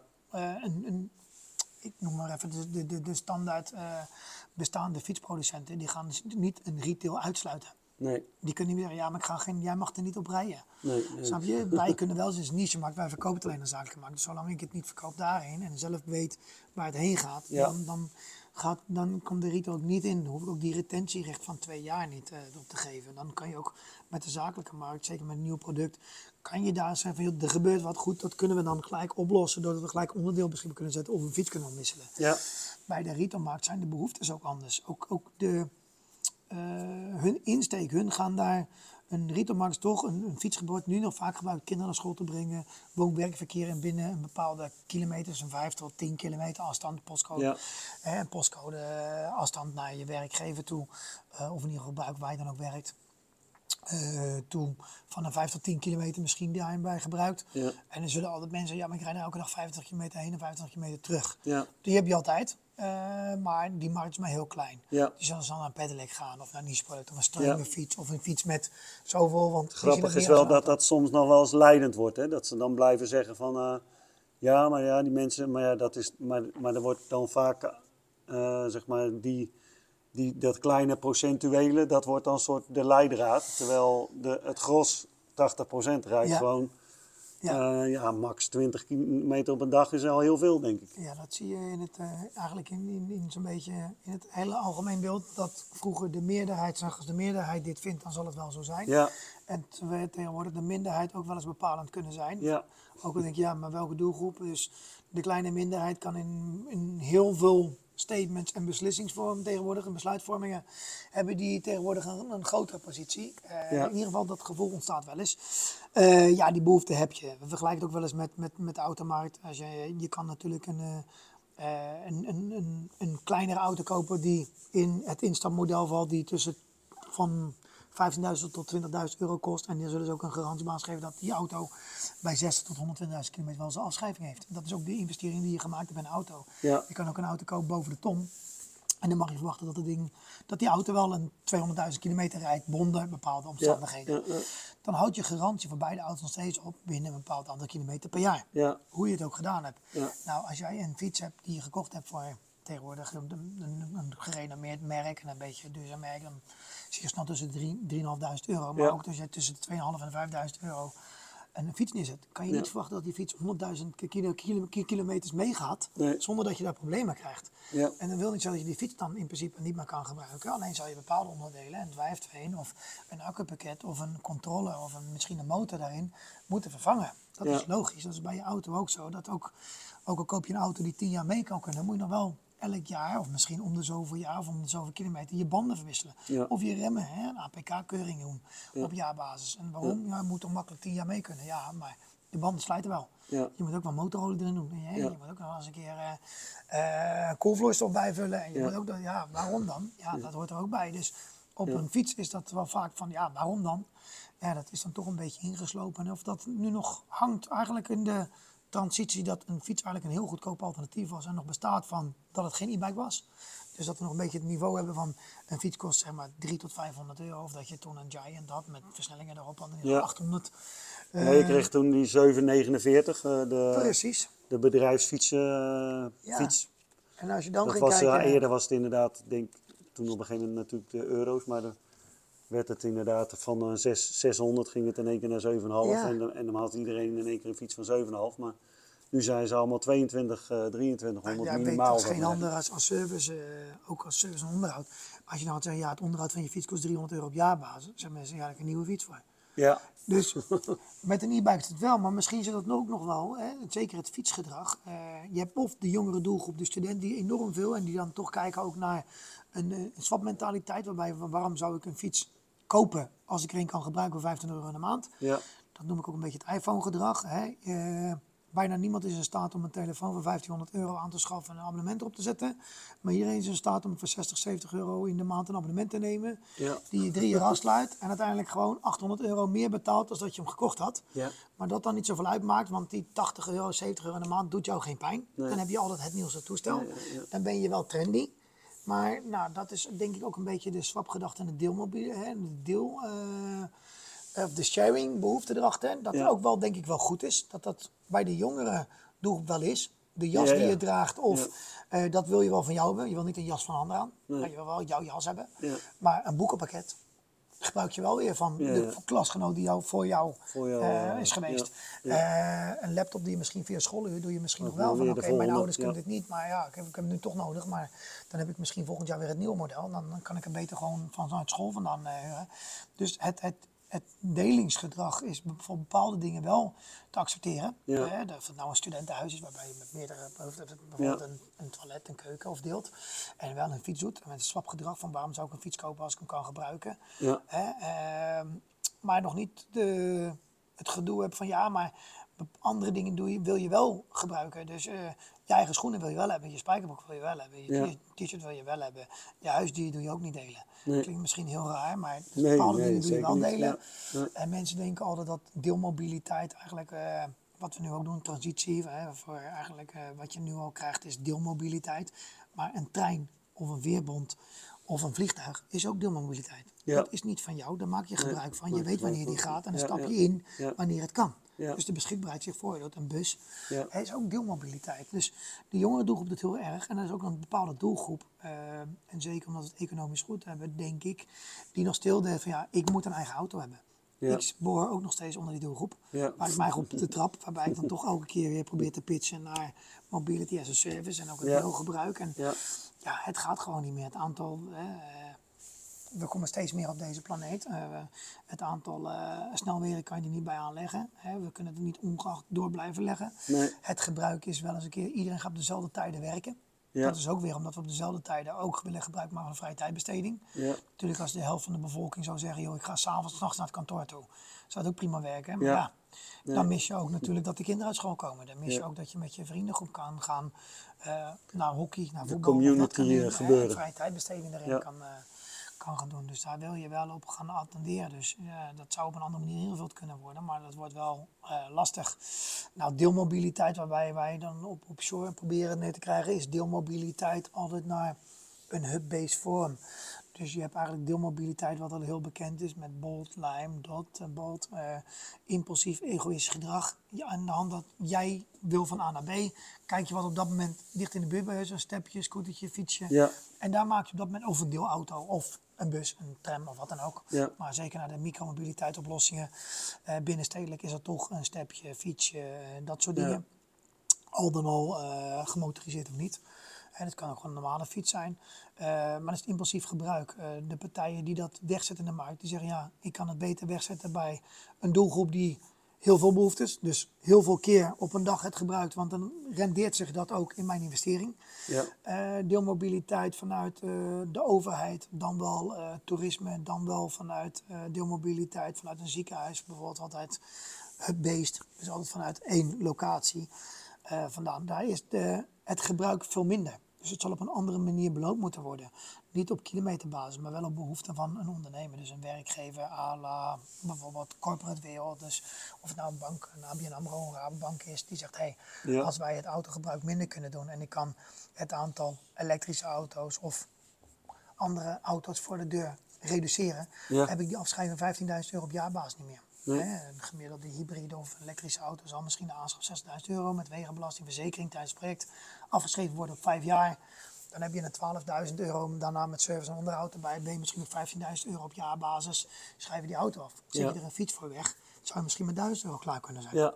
Goed onderhouden. eh, Prettige fiets, marketingtechnisch ook zichtbaarheid erbij, eh, het vitaliteitsprognose. B- zolang het maar binnen eh, acceptabele kilometerrange is, zodat het voor de medewerker ook nog plezier is. Ja. Je kan zeggen, hier heb je een fiets, ga maar 60 kilometer verderop in Amersfoort bij die klant langs. Ja. Dat gaat niet. Maar een Nee. makelaarskantoor, apothekers die zeggen, hey, we gaan medicijnen op een vergrijzing van de maatschappij, we gaan medicijnen uitleggen waarbij ze ook maar korte afstanden afleggen. Moeite hebben om parkeerplaatsen te doen. eh, eh, dagjes mensen die naar eh, Duitsers die naar Zeeland toe komen of naar Scheveningen of Noordwijk, steeds meer krijg je die behoefte dat ze zeggen, ga niet meer de kern in. Ga niet meer overlast creëren voor de buurtbewoners, maar parkeer lekker buiten. En zorg dat je vanaf die Ja. locatie dan daar komt. Ja. dan moet er wel een, een fiets daarvoor zijn. Ja. Als die fiets misschien maar drie keer op een maandbasis of vier maandbasis geleverd eh, gebruikt gaat worden, is dat misschien voor deelmobiliteit, dus voor uh, free flow chain. Je zegt, ja, wacht even, wij hebben misschien wel een verdienmodel met 20, 30 cent per kilometer. Ja, dan levert dat niet echt op. Ja. Als je wij zeg maar een fiets voor een dag kost 30 euro, dus als je vier keer 30 euro, heb je 120 euro, dan is het misschien wel interessant. En die fiets kun je dan veel langer afschrijven, want daar heb ik ook maar vier keer is die gebruikt, is nog geen 100 kilometer op maandbasis gebruikt. Ja. Dus die fiets gaat ook geen afschrijving van vier jaar, die kan misschien wel 10, 12 jaar mee. ja. Dus eh, op die markt eh, proberen wij ons te oriënteren. Nu, eh, nu zie ik ze ook in eh, de, de Surebikes, zou ik maar zeggen. Die, die, het, het gaat jullie eigenlijk niet, wat ik in ieder geval... Nee, wat, eerst wel vragen nog even trouwens, eh, de, de naam. Hoe kom je op zo'n leuke naam? Ik zal je heel eerlijk vertellen, ehm, de eerste naam was Right. Ja? En dat had ermee te maken, we zochten naar een pakkende korte naam. Je wil eigenlijk een soort brand awareness neergooien. Waarom? De afgelopen jaren, en zeker met de horecachtergrond, je wil een thema hebben, één wat mensen kunnen onthouden. Ja? Twee, een internationale naam die ook blijft hangen. Want als je bijvoorbeeld een Spaanse naam had, een Spaanse tapasbar gemaakt, want die maak je geen Hollandse naam, want daar Nee. trapt niemand in. Maar dan bleef het ook niet hangen. Dus als het een Spaanse naam was, dan zeggen mensen, gingen dat verkeerd uitleggen, wisten het niet meer. En, eh, probeerden altijd iets te krijgen, een pakkende naam die je makkelijk kan hebben. Ja. En, en, en een verhaal eruit, eigenlijk een onderbouwing eronder met een slogantje van oké, wat is eigenlijk de doelgroep die je wil bereiken of wat is het product wat je neerzet. Ja. Sure. Ja, sorry. Wij willen eigenlijk iets erom creëren zodat het een zichtbaarheid, wat ik met Spiderwheels met name gedaan heb. Wij hadden één vorm scooter en iedereen, er kwam alles wat trendy dingetjes erop met een tankje erop. En ik denk, ja, als je een elektrische scooter hebt, waarom zou er een tank op zitten? op ja. Want er gaat benzine in. Dat is Ja. niet logisch. Ja, maar mensen zitten nou helemaal, want die denken er moet een tank op. Ja, maar dat is natuurlijk een beetje onlogisch om dat te gaan maken. Ja. Eh, dat is wel weer trendy gevoelig, wat iets van nieuw is daarin. Maar het zijn altijd blijven hangen met één product. Zodat iedereen wist, hé, hey, dat is Spiderwheels. Het was herkenbaar. Ja, je had maar één marketing te draaien. Je had één promotievideo die je kon gebruiken. In elk land was het hetzelfde. Hij had één product, het was herkenbaar. En mensen wisten, dat is een Spiderwheels. Zoals eigenlijk gewoon met energiedrankjes met Red Bull. Waarom is Red Bull niet alle soorten dingen gaan doen? Iedereen weet energiedrankje, noem het, ah, doe maar Red Bull. Ook al komen ze met een ander merk aan, Ja. dan noemt iemand nog steeds nog een Red Bull. Red Bull, niemand noemt het een energiedrankje, doe maar een Red Bull en dan kom je met een ander merk aan. Ik denk als ik daar die brand awareness op leg, dat mensen echt het product herkennen, voordat ik pas een mountainbike en een racefiets en dit en een tandem en een bakfiets van ga maken. Ja. Probeer eerst een herkenbaarheid te creëren. Wat, wat ben je nou eigenlijk? Ja. Daardoor zijn we echt op een brand awareness gaan zitten. En vandaar de naam Sure. Eigenlijk wel de ride hebben. Maar ja, dat kreeg je gewoon niet vastgelegd als, als, als brandingsnaam, als dit. Eh, het is één. Het is een woord in het Engels. Ja. Eh, Zo'n beetje alles wat je maar kan bedenken, wat wielen heeft, heb wel right ergens in zitten Ja, in je slogan. Dus je kan het nooit claimen. Je hoeft ook niet bang te zijn dat iemand jou gaat claimen, Nee. omdat iedereen hetzelfde probleem heeft. Maar dan wordt het ook nooit van jou. Dus Nee. wat wordt een eigen. Dus we proberen dat vast te leggen als een brandingnaam en dat de Brands of the World. En dan kan je een merk eh, deponeren van een merkregistratie. Ja. Ja. ja, maar dit krijg je er nooit doorheen. Ik denk, ja, je wil ook nog iets kunnen verkopen of in ieder geval een waarde kunnen creëren. Dus als niemand dit kan vastleggen, dan, ja, dan krijg je ook geen claim, maar dan kan het ook nooit van jou worden. Nee. Dat is dan de toevoeging. Toen gingen we kijken, oké, wat is dan? Uh, wat is een pakkende naam? Kort, lijkt wel ergens op. En wat toch een beetje kan in, in, in simpele naam. Toen kwam bij Shore. En dan begin ik, Shore, Shore. Ja, waarom niet Shore? Ja, ja. Hè? Het is toch een bepaalde zekerheid die je biedt. Waarom? Sure. Zekerheid, je kan snel laden, dus je komt op bestemming. Shore is van, nou, je kan erop aangaan dat deze fiets wel jou brengt van A naar B. En voor lange periode. Waarom? Aluminium frame gaat niet roesten. Uh, de motor die erop zit, is gebouwd met vier jaar garantie voor de zakelijke markt. Is gemaakt voor long lifespan. De New Motion Lab drivetrain erop zit, hè, geeft al een garantie aan dat je zoveel duizend kilometer, dat vier keer langer als een beltwave en twaalf keer langer als een uh, authentische uh, klassieke kettingaandrijving ja. kan gebruiken de trommelremmen zijn niet de best remmende remmen, maar het zijn wel de remmen waar het minste onderhoud nodig hebt en die langs meegaan. Dus voldoet op hetgene wat je doet. Kijk, je gaat er niet mee offroad. Hè, daar is de fiets niet voor gebouwd. Dus je hoeft niet zo'n discbrake als op je, op je wielrenfiets te hebben of op je mountainbike, dat je die rare dingen mee hebt gedaan. Een noodrem gaat maken. Het zal eerder hè, toch uh, de mensen van A naar B met een kindje of een oudere doelgroep of je bent zakelijk bezig, dan word je toch al je baas betaald. Dus je krijgt per betaald. Dus je hoeft geen wedstrijdje te doen voor het oefenen voor de Tour de France met die fiets. Nee. Uh, er zitten nog andere behoeften in die fiets. Uh, dus wij wilden eigenlijk toch ook weer zeggen, nou één, het is een pakkende naam. Twee, het is een, een brand awareness. Want ook qua, qua naamregistratie, zoals je neerzet. Uh, je kan het wel ergens opdrukken op een brochure, een video, een productie. Dat was in ieder geval onze belevenis. En de ronde, dat we toen ook met Spiderwheels hadden, toen hadden we, dan moet ik nog goed zeggen, Smart Electric Vehicles. Ehm, en wat we nu hadden met, met Shore, natuurlijk uh, be, be Sure, Ride Sure. En pakken ja. de naam van, hey, wees zeker, pak dit product, dan kom je op je locatie aan. Ja, zeker, dan kijk je ook met het gedachte, dit neem je voor long term. Deze fiets, want die fiets gaat veel langer mee als een bestaande accu. Deze fiets, ook of het nou winter is, deze accutechniek is niet uh, van invloed op de accuprestaties op weersomstandigheden. je kan zeker zijn, hè, bij insurances, verzekeringen, die gaan zeggen, ja, maar de brandvertragende kasten van deze wereld. Die jongens zeggen, ja, maar als je deze fiets neerzet in je showroom straks als servicevervangend uh, voertuig, bijvoorbeeld bij een automotive partij, mhm. uh, dan kan het zomaar zijn die verzekeraar daar moeilijk over doen. Ze ja, maar wacht even, al die auto's die miljoenen waren die in die showroom staan, want je hebt al snel 50, 60, 70 auto's staan, dan heb je al een miljoenen hoogte. Ze ja, maar er staat hier een fiets. Ja, maar die fiets lever ik mee dan aan mijn gasten als een soort van servicing vanuit mijn naam van. Dan kunnen we zeggen, ja, maar deze fiets is uh, niet onvlambaar. Dus deze fiets kan niet in de brand.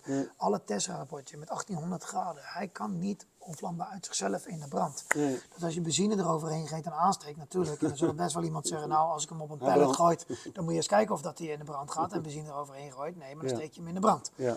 Dat is een ander verhaal. Dus uit zichzelf is hij niet onvlambaar. Kan er zelf geen, uh, eigenlijk geen, geen, geen uh, actie ontstaan waarbij hij zichzelf... Maar dan, dan heb je die naam Sure, alleen... alleen is elk merk, uh, of misschien zouden ze in de marketing of wat ik van in de, in de fietsindustrie zeggen, dat je natuurlijk altijd wel je eigen naam op je fiets moet uh, hebben, maar jullie zetten eigenlijk op geen één fiets je eigen naam.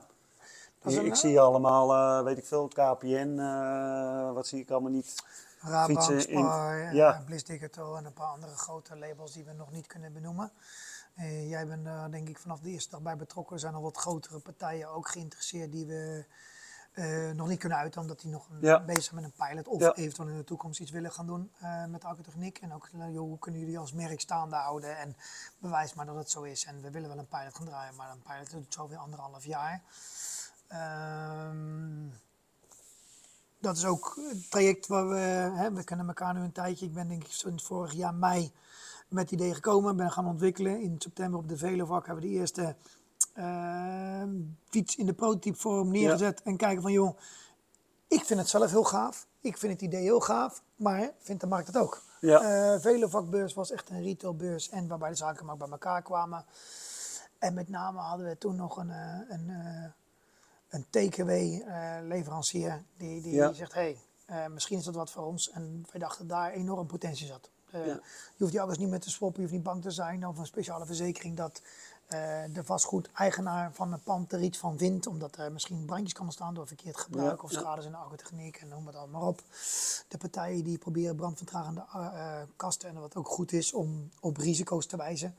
Uh, je moet je alleen afvragen of dat het altijd wel, of dat meerwaarde is om afgebrande panden en brandwonden dan nodig zijn om te, je, je punt te maken. Maar dat is een ander verhaal hoe je...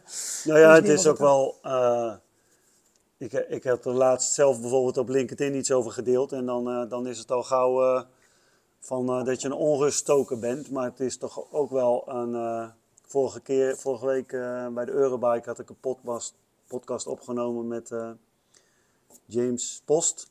En hij uh, verdiept zich al twaalf jaar in, in accu's.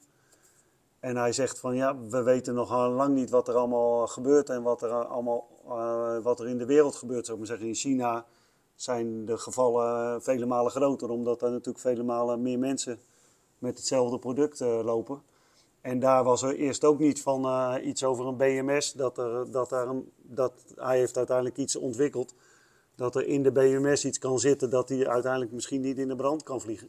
Ja. En, de, en de slimme systemen gebruiken dat veelal wel. En toch gebeurt het dat ze in de brand vliegen, zou ik maar zeggen. Ja, ik denk dat er de moeilijkheid in zit. We willen, aan de ene kant willen we de mensen eh, motiveren om de auto, hè, de adaptie, om de transitie te krijgen, om mensen uit die auto's te krijgen. Ja. Meer vitaal te worden en een fiets te pakken. Dus ook het uh, ander gebruik op de fietspaden of uh, het, het, standaard gedachte van de mensen om een gedragverandering te creëren. Ja. En dat is door corona natuurlijk al in alle vormen natuurlijk al gebeurd. En daarin zijn we ook nu, hè, we zitten veel meer op gezond. En we zitten ook veel meer op genieten en proberen te ja. ontstressen. Of dat lukt even in de breedste, dat weten we niet. Uh, of in ieder geval niet gelijk. Uh, maar er is wel een, een soort van, van gedragsverandering gaande. Ja. Waarbij je ook gaat proberen. Aan de ene kant wil je mensen dus op die fiets krijgen en zeggen, joh, laat die auto staan, pak nou meer die fiets. Misschien niet elke dag, maar in ieder geval probeer dat twee of drie dagen. En misschien wordt het dan vanzelf, is dat nieuwe gedrag dan wel zo dat je dat automatisch gaat doen. Dat is bij de jeugd is, uh, dus gebeuren met werkt, toch? Ja, dat is... dat is wel hoe het werkt, want ja, de, de eerste keer is... Uh, ook weer als, voor mezelf ook, als ik een tijd niet gefietst heb op een fiets, dan heb je toch altijd, zeker als ik op mijn racefiets een wat langere rit denk te rijden, dan dan heb ik na een bepaalde training is misschien 100 kilometer makkelijk. Maar, maar als ik dan na, na, na een paar maanden niet op mijn racefiets gezeten heb en ik ga weer op die racefiets zitten, dan denk ik na 30 kilometer, ah, dat zaaltje is toch niet zo lekker, zou ik maar zeggen. Totdat ik weer drie, uh, drie weken verder ben of een maand verder ben en dan uh, rijd ik misschien al vrij snel weer diezelfde 100 kilometer, zou ik maar zeggen. En dat is denk ik ook goed. Want het herinnert je dan weer dat je die spierpijn krijgt. Ja. Herinnert je, want als dat namelijk niet zou zijn en je zou twee jaar later op de fiets en je zou niet gefietst hebben, denk nou, dan kan ik het wel twee jaar weer niet doen. En dat is ook met de spier, spierpijn in de sportschool. Ja. Hè, dat geheugensteuntje van, oh, dat je toch weer even achterkomt ja. van, hé, hey, eh, dat gedrag moet ook wel beloond worden. Want als jij eh, nooit de fiets zou sturen en niemand zou elke dag op de fiets zou sturen en jij gaat één keer met hem mee fietsen en je fietst hem eruit, dan denk je nou, dat hoef ik ook niet meer te doen, want uh, dat gaat automatisch. En ja, dat gedragsverandering die we willen creëren, uh, dat werkt averechts op het moment dat we op de gevaren gaan wijzen. Ja. Dus wij willen die auto laten staan en dat zie je ook met EV-transport, dus mensen op die hybride uh, hybride of elektrisch vervoer gaan krijgen. Aan de andere kant zijn alle voordelen ook belastingtechnisch ook van voordelen uit de zakelijke markt vandaan, zijn al een beetje gereduceerd. Uiteindelijk is het niet meer op het financiële platform liggen te krijgen. En dan zit je straks, maar ja, als je accupakketlui wordt of als jij afhankelijk wordt. En uh, krijg je die, die, die transitie werkt dan niet mee dat je straks allemaal Tesla's ziet staan met oude accu's, bijvoorbeeld, of andere uh, merkauto's die met, met, met, met accu's zijn, die niet meer hun range halen. Als je dan van laadpaal naar laadpaal moet en het steeds korter wordt en steeds meer die wachtende mensen langs dat vestnet ziet staan.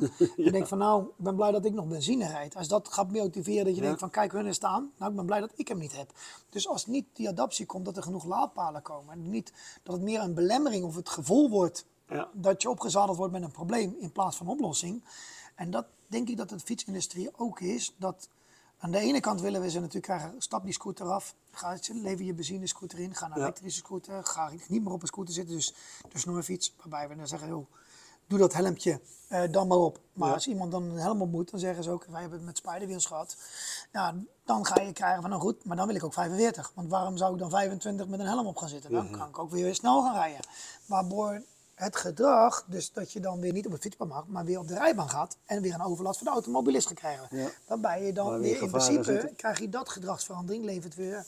Daarop ga je dat krijgen dat je dat op een fiets uh, gaat zetten. Dan, dan in die adaptie, die van wil je aan de ene kant wel op de gevaren wijzen. Van, let op, als je gevallen bent en een akkupakket kan schade ondervangen hebben, laat dat eerst bij een fietsenmaker of bij een specialist een expertise hebben.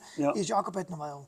Maar je weet ook, als je je akkupakket dan eventueel laat onderzoeken, ben je zo'n 150 euro kwijt. Dan hoor je van nou, goed dat je het gedaan hebt. Want jouw accupakket hebt schade. Die moet je niet meer gebruiken. Ja. Dan kost het je ook 600, 700 euro zomaar. Ja. Of je hoort eh, van nou, eh, goed dan, dus het kost je 150 euro. Dan denk je de volgende keer van nou, ik probeer het zelf wel even. Of die het nog doet of niet doet. Ja. Hè? En dat erin en eruit halen van je accu's om te gaan laden. eh, ik geloof niet dat er slechte cellen zijn. Er wordt vaak gezegd van ja, je hebt, eh, ja, maar dat komt door die rotzooi. Alles wat binnenkomt binnen de Europese Unie heeft een bepaalde certificering Ja, gehad. ja, ja. Elke cel Ja, die Europa wel natuurlijk. in maar we Europa hebben wel. natuurlijk wel heel veel... eh, Maar je hebt de fietsproducenten, waarom is je accupakket De- duurder? de- de ja, want eh, de rest is rotzooi. Nou, Ja. ik geloof niet meer dat er een fiets binnenkomt die niet aan een bepaalde certificering doet. Ook geen BMS-controle hebt, geen nou, smeltpuntzekerheid. toch Dus- wel de, de, de Al, misschien de Aldi-fiets, de Hema-fiets, de Albert Heijn-fiets. Ja, maar als Die toch een typegoedkeuring hebt, zijn ze in ieder geval door een. De vraag is dat ergens een certificering op afgegeven. Is dan die fiets waar die certificering op afgegeven nog steeds hetzelfde accupakket, dezelfde controle, dezelfde eh, eh, bat- bat- bat- bat- battery management system, dus Mhm. BMS, als nu? Hè, dat, is, dat is waarom eh, James Post, Ja, goed, ja. die heeft de slimme techniek te gaan. Die test af en toe, werkt jouw BMS wel? Ja. Dat is de airbags in jouw Ja, auto's. Jij weet eigenlijk of dat jouw airbags in jouw auto's doen ja. als je tegen de viaduct staan. Ja. Dan weet je of het doet of niet doet, dan heb je het getest. Ja. Dan worden ze in principe dan weer nieuw erin gezet. Dan weet je het pas weer op het moment dat je weer tegen een viaduct of een ongeluk hebt daarin. Ja. Nou, dat is met dit ook. De BMS, ja, dat is een BMS en dus die slaat aan. Hoe Ja, weet je dat? Nee, dat is dus Dan niet, zie je eh, dat het je schuur afgebrand is. Ja. Of niet. Dan Nee. zeg je, nou, hij heeft het dus niet goed gedaan. Nee. Of hij heeft het wel gedaan. Maar dan moet je de volgende in. En hoe weet je dan dat het is? Hetzelfde met een parachute. Ja. Je gaat er maar vanuit dat hij doet, maar je, je hoopt het dan maar op het moment dat je nodig hebt. Dat je eraan trekt dat hij doet. En natuurlijk zijn er allerlei testen en het zal allemaal wel goed zijn. Maar eigenlijk wat hun gedaan hebben, geeft af en toe het signaaltje. Nog steeds, nee, Battery Mason, doe jij het nog wel, vriend? Hè, is even een, een geheugensteuntje. Ben jij wel actief? Dus die gaat af en toe een signaaltje geven, een FOP-signaaltje.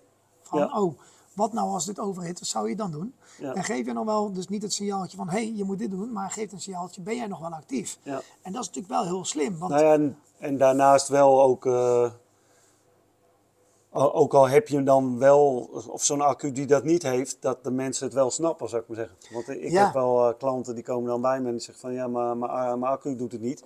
En eh, ja, ben nu gevallen of dit of dat. Nee, nee, ben niet gevallen. En dan, dan, als die dan uiteindelijk die accu bij mij ingeleverd wordt, dan zie ik toch wel... eh, ja, nou, van de week ook gewoon een, een accu. Er zat gewoon helemaal een gat in de accupacking. Ja, ik heb toch gewoon geadviseerd om eh, niet die accu meer te gebruiken, zou ik maar zeggen. Want precies. ja, ik, eh, ik sta me er niet voor in, zou ik maar zeggen. Ik ging hem, hij moest ook opgeladen worden. Ze zei, eh, misschien moet hij wel opgeladen worden. Ik zeg, ja, als ik een knopje druk, eh, gaf hij geen, eh, de batterijenindicator, eh, ging net het lampje branden. Ik zei van, ja, maar er zit niet heel veel in. Toen zei ze, ja, maar kun je hem toch even opladen? Ik zeg, nou, niet doen. ik wil hem niet meer opladen, zeg maar. Maar zeg maar, voor het gesprek met James had ik dat nog, misschien nog wel gedaan. Ja, Omdat ik helemaal dat gevaar niet zag. En dan, zit ik, dan kan ik zeggen, ja, ik zit al 40 jaar in de branche. Maar ja, het is nooit mijn top of mind geweest. Maar nu de laatste jaar, nou ja, onder andere ook eh, met Surefietsen en zo, zeg maar. Daar is het al eh, ja, in mijn gesprek hier, in mijn, in mijn podcast, diverse podcasts al naar boven gekomen. Dat het toch, ja, toch wel een serieuze aandacht mag hebben. Ja, ik denk dat ook daarin, denk ik wel vanuit de overheid een bepaalde verantwoordelijkheid ligt. Ja. En eh, het is natuurlijk raar dat jij rijdt met een busje, ik rijd met een privéauto, ik heb jongens personeel erin. En elk jaar moet je auto laten keuren. Ja. Remmen, knipperlichten. Ja. Natuurlijk zien die jongens die mij in de auto's rondrijden ook wel of een licht het niet doet of dit Ja. niet doet. En toch moet je laten keuren. Ja, Eh, het gevaar van een e-bike zit er niet in de kettingkast. Het zit er niet in de fietsbel of in de handvat. In de- Nee. in, hè, dus de remmen kunnen het wel of niet doen. Eh, dat is ook nog iets, maar dat is met 25 km per uur nog wel te omzeilen. Maar dat is ja toch zit daar ook wel veel gevaar in. En het grappige is zelfs, eh, ik, sprak laatst op een beurs iemand die had. eh, eh, dat was afgelopen jaar waar wij elkaar voor het eerst ontmoet hadden, zeg maar, de World of E-Mobility. eh, beurs in oktober in Vijfhuizen. Die, daar sprak iemand die, die waren aan het onderzoeken, zeg maar, van ja, hoeveel ongelukken, want er is nu over 25, moet dan misschien ook een helmplicht gaan krijgen. Ja, zo, ja, dat, ga- ja, wie gaat dat willen, zou ik maar zeggen. Iedereen zegt natuurlijk nee. En toch zie je gelukkig steeds meer mensen dan misschien dan wel met een helm oprijden. Maar wanneer je natuurlijk genoeg getraind bent, moet je dan wel met een helm oprijden, zou ik maar zeggen. Precies, want want nou. wat je veelal ziet is dat eh, nou ja, dan misschien een ouder iemand die dan eh, gewend is op zijn gewone fietsje, eh, ja, hoe hard zou je rijden? 13, 14 per uur. Die gaat op een e-bike in één keer 25 per uur over een rotonde rijden met de regen. Ja, eh, ik denk dat juist die gevallen ze- geven vaak de- het ongeluk en dan gaat het en dan wordt het soms wel eens gelegd op een voorwielmotor, dat het dan aan die voorwielmotor ligt. Ja. Maar ja, als ik met mijn, weet ik veel, met mijn four-wheel-drive eh, van mijn auto ook iets raars ga doen. Of, of, of Ja. met mijn achterwieldrive op een rotonde kaart ga gas Precies. geven, dan gaat het ook mis, zou ik maar zeggen. Het begint natuurlijk bij het gedrag van de mensen. En Ja, Ik snap heel goed ook. eh, ligt uit- niet altijd aan het product. Waar jij vandaan komt. Kijk, als ik mijn banden afslip, omdat ik elke keer heel uit de bocht ga Ja, slippen dat. met mijn vriendjes. Hè, Ja. Al die jongetjes die naar school gaan, al die crossfietsers, die slippen allemaal. Maar dan ben jij de rijder en jij hebt het gedrag veroorzaakt. Dus jij hebt het, hè, door jouw gedrag verander je gedrag en dan breng je jezelf mee in gevaar. ja, Bij een accupakket of een laadpakket, dan breng je vaak een ander mee in gevaar. En dat is, jij Dat gaat hem opladen en doe je, of wij willen dat mensen uit de auto gaan en daarmee naar hun werk, bijvoorbeeld met de fiets gaan. Maar wat doe je? Je accupakket is leeg, dus die trek je eruit en die neem je mee je kantoor in. Ja. Die leg jij dus naast een kopieerapparaat of dit, je zoekt een stipcontactje. En dus jij creëert ook voor, eh, voor, voor, je, voor, voor eventueel eh, huisgenoten, collega's, andere eh, mensen die bij jou in de omgeving zitten ook een gevaar. Dus jouw gedrag wordt ook voor andere mensen uiteindelijk een gevaar. Food delivery. Eh, wanneer gaan hun, eh, wanneer doe je als, als een bezorg eh, dus food delivery of packages die je doet of PostNL, wat dan ook. Wanneer ga je laden? Op het moment dat je fiets niet gebruikt. Dat is s'avonds. ja, Maar jij gaat naar huis toe. Ja. Maar de omwonenden wonen er rondheen. ja, Dus jij laat iets achter waar jij een financieel belang bij hebt. En je creëert dan eigenlijk een. Ik zeg niet dat het gevaarlijk is. Ik zeg Nee. alleen, als er gevaar is, is het wel voor die mensen die wonen, niet bij jou thuis. ja. Eh, je gaat Ja, naar- en dat gebeurt vaak ook nog inpandig, zou ik maar zeggen. ja, en dat is natuurlijk. En daar van- ligt het grootste probleem, zeg maar. Ja, daar ligt denk ik ook de uitdaging en denk ik, het gevolg vanuit de overheid vandaan. En zo, ja, moet de overheid, ja. Want als wij geen APK verplicht hadden gesteld, ging ook niemand te doen. Dan ging Nee. je pas als je een klampband had, kun je Ja, niet ja, doen, 100%. mijn band kapot. 100%, Of maar ja. ja, maar gaat niemand te doen. Dus als je vanuit de overheid niet die regulering aan gaat zetten, die gedragsverandering. En natuurlijk kan je zeggen, ja, maar dat moeten mensen zelf maar doen. Maar dat doe je ook niet met je Ja. auto. Bij een scooter waar een kentekentje op moet je het wel doen. Waarom niet op een fiets? Terwijl het eigenlijk niet eens meer gaat om je eigen veiligheid, omdat jouw rem het niet doen, omdat jij geen bandenprofiel meer hebt, maar eigenlijk ook de, het gevaar van anderen is. Ja. Hè? Actief toerisme, dat mensen op een, eh, tijdens hun vakantie hun accu'tje uit de fiets trekken, mee de hotelkamer inleggen of Ja. op een boot, Ja. in de kajuit, op een nachtkastje, Ja. in opladen zetten en dan lekker gaan eten beneden. Ja, Maar als het dan misgaat, dan valt het niet meer te redden. Nee. Het is geen open haardbrandje waar je, bij je even die brandblussen pakt en even Nee. kan oplossen. Hè? En ja dat is gewoon eh, die wordt- bewustwording. Als je weet waar je hem oplaat of wat je doet. Of, of eh, nou ja, wat je dan natuurlijk ja, met de zuurfiets hebt, zou ik maar zeggen. Als, als je toch al iets meer een zekerheid hebt dat het niet in de brand kan vliegen. Ja, de USP is voor 85% natuurlijk wel eigenlijk de non-flammable, eh non-flammable Dat is natuurlijk eh, zoals je, wat was het toch eh, onlangs, zag ik in het nieuws. Zo'n mega fietsenstalling in Amsterdam. Dat wordt dan heel populair uitgedraaid. Maar ja, er mag eigenlijk geen e-bike staan volgens mij. Nee, volgens een norm alles wat binnen is, dus niet laden, maar ook niet ingeladen En toestand. hoeveel procent heeft tegenwoordig een e-bike, zou ik maar zeggen? Dat gaat en wel dan kun je wel zeggen, ja, de mensen rijden allemaal in de stad, rijden niet op een e-bike. Maar dat is gewoon, eh, ja. Ik, ik kan dan zeggen, ja, in Garderen zie je eigenlijk steeds meer mensen op een e-bike rijden. Maar ja, die moeten ook allemaal veel kilometers rijden. En die jeugd rijdt van eh, naar Ermelo of naar, eh, naar Apeldoorn. Maar ja, die moeten allemaal 15, 20 kilometer, die jeugd. En ja, dan, dan eh, ja, die, die accu moet toch opgeladen worden, Ja. dan zou ik maar zeggen. Ja, en dat kom ik dan toch weer bij hè, het rare gedrag natuurlijk van, van de overheid. Ik denk met jeugd ook. Eh Ja. Swap is natuurlijk daarmee begonnen met, met die, eh, het deelfietsgebruik. Ja. Dus daarin ook te, kijken hoe is dat gedragsbepaling daarin. Ik denk dat dat een hele goede eh, stap is. Eh, voor de e-bikes is dat iets lastiger, omdat ze, eh, je zit vaak met een technische specificatie die ook eh, waar je, eh, waarbij je op gaat laden. Is niet alleen de opladen, hè, maar ook de installatie die in de muur, uit de muur vandaan komt. Ja. Hè. Je moet aan een, eh, een NEN-certificering voldoen. Dan heb je nog een scope-certificering, wat alles buiten je wand komt. Dan heb je Ja. nog met opladen te maken, want eh, misschien koop je een keer een nieuwe accu, maar je komt nooit een nieuwe oplader. Dus je accu kan dan misschien veel meer, maar als je opladen kan zelf ook daarin. Ja, die kan zelf als het het warm probleem. is. En Ja. uiteindelijk zo lang en houd je, eh, ook al kan je nog een controle op met je battery management system. Maar als die 12 uur lang aan een kabel hangt of een oplader hangt, dan houdt hij een tijdje tegen. Maar op een gegeven moment kan hij hem ook niet Nee. tegenhouden. Nou ja, plus dat daar ook weer eh, op zit. Bijvoorbeeld, eh, eerder had je de eerste Sparta Batavus fietsen, zeg maar. Daar werd altijd geadviseerd, ja, die moest je de hele dag aan de lader hebben, zou ik maar zeggen. Ja, Dus da, ja, er zijn nu nog steeds consumenten die dan zeggen van, ja, maar ik moet toch mijn accu de hele dag aan de lader hebben. ja, ja. En Terwijl ze begint met die gewoon een ook. hele andere accupakket hebben, Ja. zou ik maar zeggen. Maar die mensen is dan wel geleerd. En dan moet je zeggen van, ja, mijn buurvrouw moet hem wel de hele dag aan de lader hebben en de buurman niet, of zo, zou ik maar zeggen. Ja, En, Ja, dat wordt wel gezegd, hè? want ja, je, kijk, het is het duurste aan je fiets is natuurlijk wel je akkupakket. Ja. Dat bij de auto-industrie, maar er wordt gezegd, ja, je moet hem de hele dag om de oplader hebben. hangen. Ja, maar dat kan je hem niet gebruiken. nee. En als je dan nog- terug zit en je hebt, net, eh, je hebt een boodschap staan 1500 meter verder, dan ga je hem niet gelijk erop. Want ook Nee. zeggen ze, ja, je hebt zoveel laadcycli. Ja, maar als je dat aan een ouder iemand uitlegt, die, gaat, Ja. die denkt dat dan wel te moeten doen, zeg maar. Dus ik denk, elk Ja, moment dat ze neerzetten, ook, moet hij aan de lader. Dan zeggen ze, ja, je hebt maar zoveel hond, zo'n laadcycli is garantie. Ja. Maar als je hem elke, elke 500 meter eraan is, dat weer een laadcycli. Ja. Ja, en je mag wel van een bepaald product die een bepaalde prijs, mag je ook verwachten dat, het in, eh, dat die een bepaalde eh, waardering of het gebruik kan verdragen, eh, hoe die in principe gebruikt gaat worden. Dus als je een fiets van 3.500, 4.000, 5.000 kilometer, dan mag je ook wel verwachten dat die minimaal twee jaar meegaat. Buiten Ja. dat je geen 5.000 kilometer Nee, jaar dat is natuurlijk ook al een dingetje, zeg maar. Ja. Als je naar de markt nu kijkt, eh, naar eh, ja, hoeveel fietsen er inderdaad niet eh, ja, dan na drie, vier jaar al een nieuwe accu moeten of wat dan Ja. ook.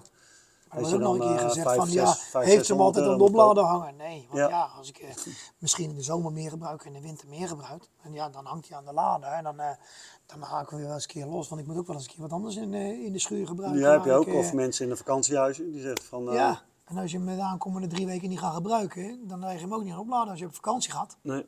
Plus dat blijkt dat je, eh, een, als je een, een accu-tijd niet gebruikt, is het, is het eigenlijk beter om hem maar op 60, 70 procent eh, te laden. Ja, dan moet je staan met een stopwatch. Ja, Van ja plus dat, eh, 6%. nou ja, eigenlijk laders zijn daar helemaal niet op voorbereid. Je zou eigenlijk een lader moeten hebben waar je dat kan zien. Ja, En uiteindelijk voor gebruik moet je hem eigenlijk weer helemaal vol laden, want de kwaliteit van het laden zit in de laatste 10% van Ja. het laden. En precies. daar zit ook de meeste tijd weer in, zou ik maar zeggen. Ja, en- Maar jullie accu, die is, eh, volgens mij hebben we dat nog niet echt benoemd, maar die is, zeg maar, eh, ik, ik zeg gemakshalve altijd binnen, binnen 7 minuten 70% geladen. ja, ja. En binnen een half uur 100% geladen. Ja, de volledige oplaadtijd van ons, maar het is wel bekabeld. Dus als we met de oplader van onszelf eraan hangen, dus wired, eh, hebben we in 8 minuten tijd eh, 72%. Ja, Eh, en volledig opladen in een half uur. Dus van duidelijk 0 naar 100% is een half uur. ja, En dat blijft ook zo. Dat wordt niet lui, dat wordt niet daarin. Het is ongeacht eh, of dat temperatuur is. Eh, hè, want dat heb je met lithium, lithium-ion bat- batterijen wel. ja. Eh, dan kan het zomaar zijn dat het langer duurt als het koud is buiten of als het warm is buiten. Dat het, eh, dat het ja. eigenlijk dat hele traject anders verstoord wordt. Maar dat heeft niet zo'n invloed als de standaard accu's, toch? Nee, nee, totaal geen invloed.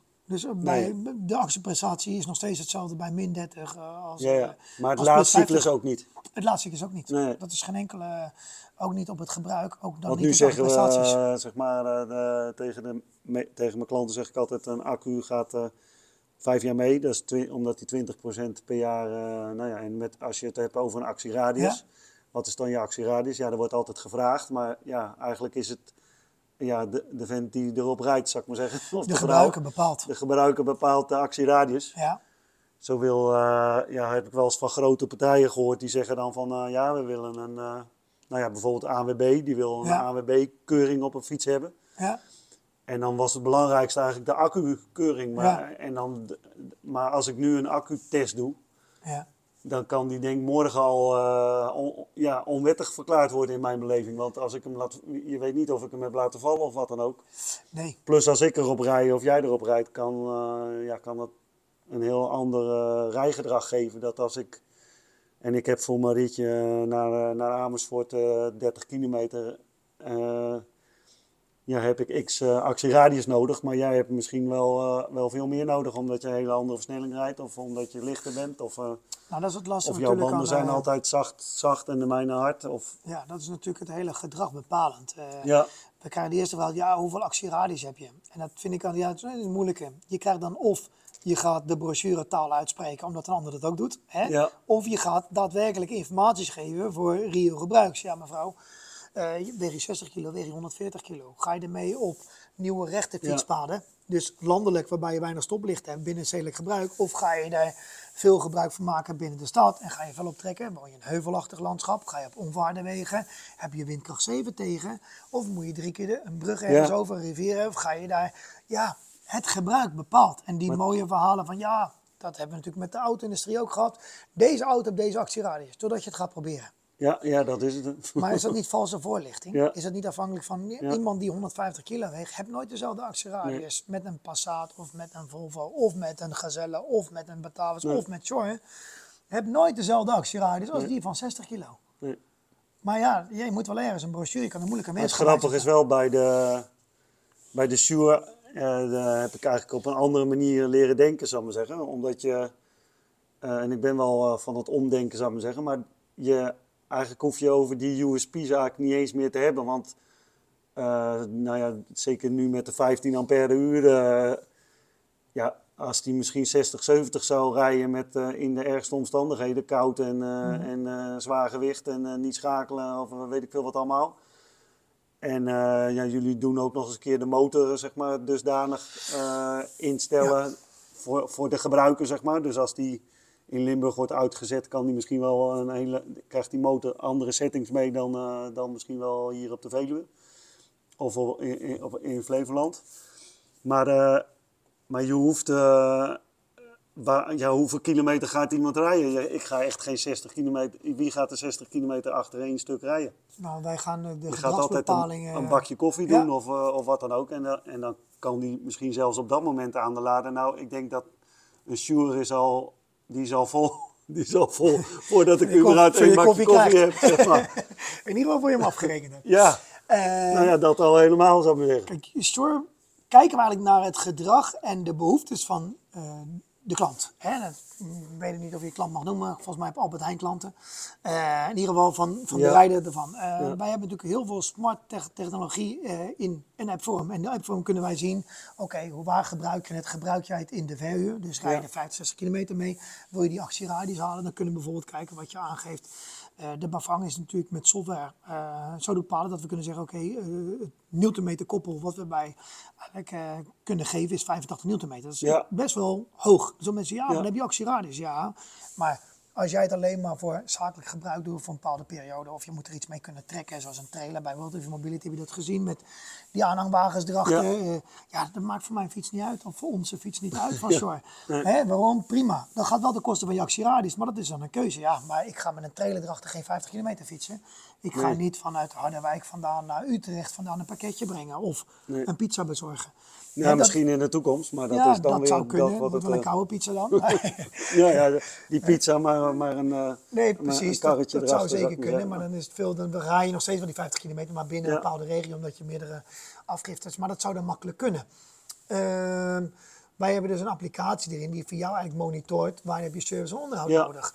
Uh, je gedragbepaling kunnen we ook bepaalde invloed. Wij kunnen zien dat de valschade hebben bij 15 graden. Dus als die fiets een, een, een, een helling hebt van 15 graden, kunnen we erin zeggen, hey, let even op als deze persoon terugkomt. Waarschijnlijk is deze fiets gevallen. Ja. Misschien dat hij niet zelf gevallen is, maar in het mulle zand gezet, misschien een verkeerde draagbepaling gedaan, is die fiets verkeerd gebruikt. Impact kunnen we ook monitoren. Meer op de veiligheid van, hey, we zien dat er iets met, met de fiets gebeurt, maar dan ben je uit een rijdende beweging naar nul gegaan. Dus tegen een gebouw aangereden of je bent geschept. Dat doe je niet bewust. Dus in dat moment kunnen we zeggen, gaat het wel goed met je? Dus we kunnen ook uit veiligheidsoverwegingen, in ieder geval een hospitality ja. issue, zeggen, hey, kunnen we iets voor je supporten? We kunnen zien of een fiets nu uh, passief is of actief, dus rijdt hij nu? Ja. Uh, staat hij stil? Als die verhuurd is, kunnen we ook zien met een kleur, ik heb het je net laten zien, waarbij je groen hebt, hij is rijdend, actief. Ja. Oranje is, hij is wel verhuurd, dus hij is niet op de locatie waar hij zou moeten staan, maar hij staat nu in stilstand, dus misschien voor een stoplicht. Of misschien staan mensen iets te bewonderen, cultuur. Of staan ze lekker op het terrasje wat te drinken. Dus we zien dat hij niet op de eindbestemming terug is of de beginstand terug is. Of hij is rood en is hij passief. We kunnen de accustand uitlezen, de status kunnen we uitlezen Uh, vanuit een applicatie vandaan. Dus je kan een aantal vermomenten van is die wel vol meegegeven, maar ook van hoe ver kan ik nog met deze fiets rijden bijvoorbeeld. En het is allemaal informatie die we erin gekoppeld hebben. We kunnen de logische route, we kunnen ook bijvoorbeeld bepaalde traffic kunnen genereren. Waarbij we zeggen, hey, we zien dat deze fietsroute heel erg druk is, pak lekker die fietsroute. we kunnen ook profile learning voor de verhuur zeggen van nou goed, welke behoefte heb je juist gebruiken? Wil jij een kasteelroute? Wil je een bosrijk gebied? Wil je juist iets aan het strand doen? En daar aan de hand kunnen we ook zeggen, goed, hoe lange kilometer wil je hebben? Uh, hoe lange route wil je rijden? Wil je tussendoor veel stoppen? Wil je een ja. locatie tussen? Waar wil je dan die locatie hebben? Kunnen we een ontzorging? Wil je juist ontwarden? Omdat je lekker langs het strand wil rijden. Wil je juist de beste fietspaden hebben omdat je gewoon last van je knieën en je rug hebt. Wil je uh, lange afstanden rijden. En aan de hand daarvan kunnen we ook met de software dus de motor afschalen. Van joh, wil je hem gebruiken bijvoorbeeld uh, waarbij onze fiets ook goed inzetbaar is uh, op vakantieparken. Maar dan voor de gebruiker als serviceonderhoud. Gooi er een karretje achter, want die van ons kan goed trekken dan gaat hij net zo snel leeg als een lithium-lithium-ion batterij. Ja. Maar die van ons is weer geladen. Ja. Dus je kan tijdefficiënt deze fiets continu gebruiken. Je kan in een gesloten omgeving altijd laden. Er heeft geen uh, gedoe rondheen van hij moet in een laadkast of moet let op waar je hem neerzet, want anders kan de brand overslaan daarop. En dat is wel iets wat, wat uniek is aan, uh, aan deze fiets. Dus vooral de slimheid in de fiets, de IoT en samenwerking die we hebben natuurlijk met, met onze partners nu. Uh, we gaan nu een verdere samenwerking bijvoorbeeld met de jongens van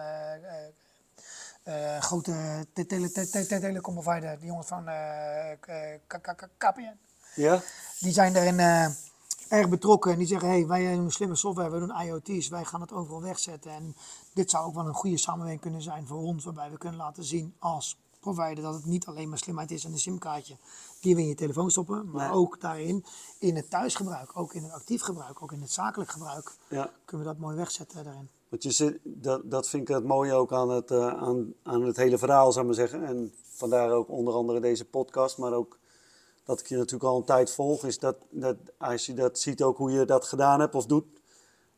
Uh, bij jou was niet een, uh, een restaurant of een uh, café, het was niet alleen een cafeetje, zou ik maar zeggen. Dat was de hele, het hele spek erbij, zeg maar. En dat is eigenlijk bij dit ook weer, zeg maar. Ja. Alles wat ik zou kunnen tegenbedenken, zou ik maar zeggen, daar heb je dan alweer een oplossing voor, zou ik maar zeggen. Zoals dat ik, nou ja, een tijdje geleden liet je hem al zien uh, van uh, een volgend traject, hoe jullie al mee bezig zijn. Dat je bijvoorbeeld je standaard uitklapt en dat die dan ergens opgeladen wordt. Of, of je zet je voorvork ergens in en dan wordt die opgeladen. Of nu is er zelfs een uh, toren. En die, is, die, die, is, die geeft 8 meter in bestrek en die, die kan 118 fietsen bergen. En dan rijd ik mijn fietsje erin en dan gaat die op de plek waar mijn fietsje hoort. En dan is die, als ik hem dan weer terugpak, dan krijg ik eigenlijk al op mijn app te zien dat, dat die eigenlijk al volgeladen is. Of, uh... Ja, zo moet je het wel zien. Uh, wat wij in de markt tegenkomen is dat iedereen uh, eigenlijk een onderdeel hebt en dan uit zijn eigen belang vandaan denkt. Dus je hebt partijen erbij die hebben slimme sloten. En die slimme sloten kan je dan openen met een NFC, met een Bluetooth. Ja. En je hebt partijen die doen inductieladen of hebben laadkasten die ja. in principe brandvertragend zijn.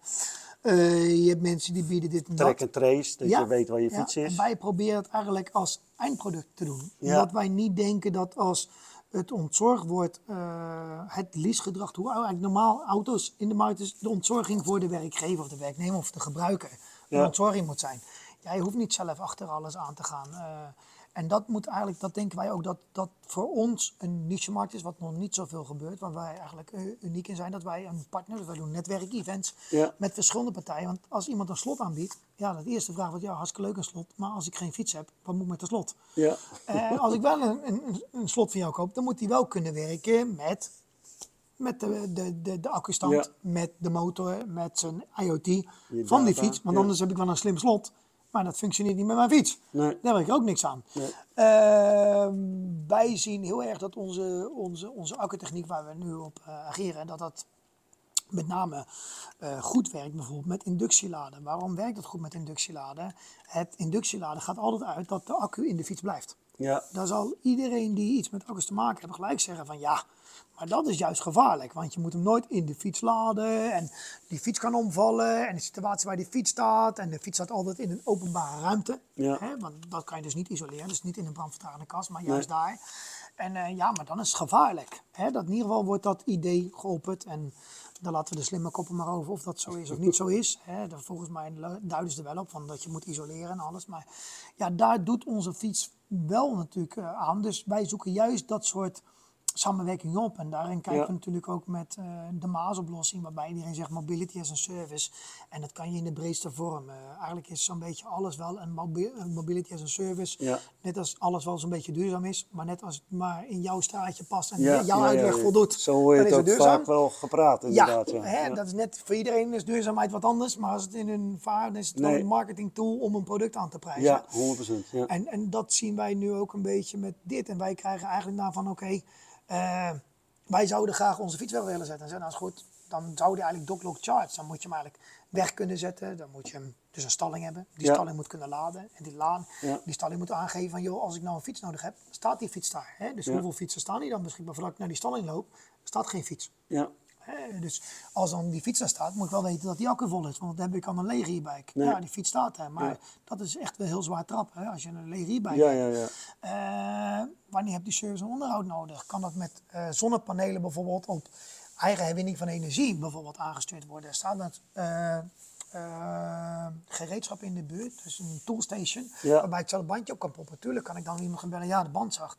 Ik kan ook zeggen, nou is dan een pompje, pomp hem zelf maar op. Als jij een leaseauto hebt, dan komen ze niet elke dag die banden bij jou meten. of dat. Nee, maar het is voor een auto dus heel logisch. En voor een fiets denk ik mensen, ja, dat is niet mijn probleem. Natuurlijk wel, want jij gebruikt hem. Maar, maar het, mooie zit dat bij jullie zit echt alles erin, zeg maar. Dus ik, ik weet, nou ja, met die app, zeg maar, die jullie uh, dan nu ook hebben, zeg maar. Ja. Dan, uh, jij, ja, en ook voor, uh, nou, als ik verhuurder ben, dan weet ik, weet ik, maar ook jij, hoe vaak die verhuurd is. Hoe lang die meegaat. Ik weet de kap nou, terwijl ze zeggen natuurlijk data is macht.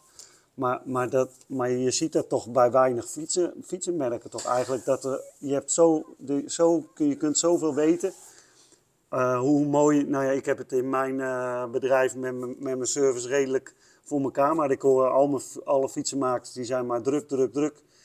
En altijd op hetzelfde moment druk. Maar je kunt toch op een gegeven moment daarvan leren. En dat je dan dat anders gaat, in een systeem gaat zetten omdat je op een gegeven moment data weet, uh, zoals ik op een gegeven moment met de vaste prijslijst kwam, uh, wat me heel veel uh, werk scheelde om het dingen elke keer uit te leggen, zeg maar. Nou, zo hebben jullie elk detailtje wel ja, in die app zitten, zeg maar. zelfs, nou, als je het dan hebt over bijvoorbeeld veiligheid, als iemand een impact heeft en je weet meteen dat diegene aan die fiets eigenlijk kunt zien dat die gevallen is, en misschien zelfs wel meteen 1 en 2 kan bellen, dat, dat, en, en dan weet hij dan kan die fiets ook uiteindelijk, die weet exact waar die op dat moment staat, zou ik maar zeggen. Ja, en als die terugkomt kun je gelijk monitoren van, joh, hou deze even apart, want er is wat mee gebeurd. Dus controleer hem even heel goed. Ook dat als vuurbedrijf, dan weet je dus van, hé, nou ja, de, hier uh, weet ik veel, misschien, uh, ik weet niet of er een rood knopje bij staat dan of zo. Ja, dat, nou, is nog wel, dat wordt de laatste punten nu met onze partners van Bliss al opgelost. Uh, kijk, je hebt al wat luxere fietsen. En volgens mij heb Streumer dat en volgens mij van boven en nog een breker. En het zullen misschien zeg ik iets wat niet waar is. Maar volgens mij de wat exclusievere fietsen, daar kan jij uh, van je eigen fiets zien. Ja, ja dat soort dingen wel. Ja, dat, maar als men de Yamaha zet, zie je het ook. Ja. Wat wij zijn gaan denken is van, hé, hey, wat je eigenlijk zou moeten willen, uh, als die bijvoorbeeld aangeeft van, hé, hey, uh, je drivetrain is, is langer gebruikt dus zoveel, je moet wat doen. Maar dan gaat nog steeds van het gedrag uit dat die klant dan contact opneemt met zijn fietsman, hè, met, met, met, met een, eh, een service meteen, zoals een onderhoudscentrum. Ja. Nee, uh, kan jij mijn fiets laten maken? Dus het gaat nog steeds uit dat de klant zelf contacten moet nemen. Ja. En als jij die fiets niet. niet. in bezit hebt, dus als jij een deelfiets hebt en jij stapt erop en die banden staan zacht, dan pak je gewoon een andere. Ja. Of die zeggen, nou, als ik hem straks terugzet, zoek hem maar uit. Ja. Maar jij pakt gewoon de volgende. Dus die fiets blijft stilstaan. Of iemand anders komt dan misschien wel in een gevaarlijke situatie, omdat jij het niet doorgegeven hebt. Ja.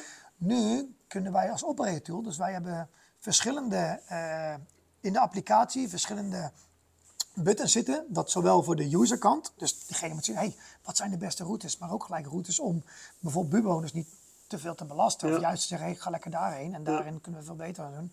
Uh, dat je ook gaat gebruiken, pak lekker die ideale fietspaden. Pak juist niet die onverharde fietspaden of de schelpaadjes. Of daar kan ik een drankje halen. Of daar Precies, wij zien speeding. En speeding wil zeggen dat als een fiets opeens extreem hard gaat, 80 km per uur, Ja. dan zijn mensen niet aan het oefenen voor de Tour de France, maar dan wordt hij of vervoerd in een trein, een bus, een veerboot, of hij wordt gestolen. Ja. Wij zien dus heel erg, hey, dat is niet een normaal gebruik. Nee. Dan ligt het niet in die klant, want die klant weet het wel. Want die zit er zelf mee in de trein of in de bus. Of Ja. hij heeft hem niet zelf gestolen, maar dan is hij ook weg. Wij maken dat juist de operator tool. Zeggen, hey, let eventjes op, er gebeurt wel iets met jouw fiets. Check even of dat Ja. wel goed gaat. Ja. Dus ja, dat weet ik, want die man heeft hem op een, in een camper Ja, meegenomen. Of die ging er vandaag mee naar Amsterdam, dus die heeft hem in de trein gezet. Dat weet ik dan.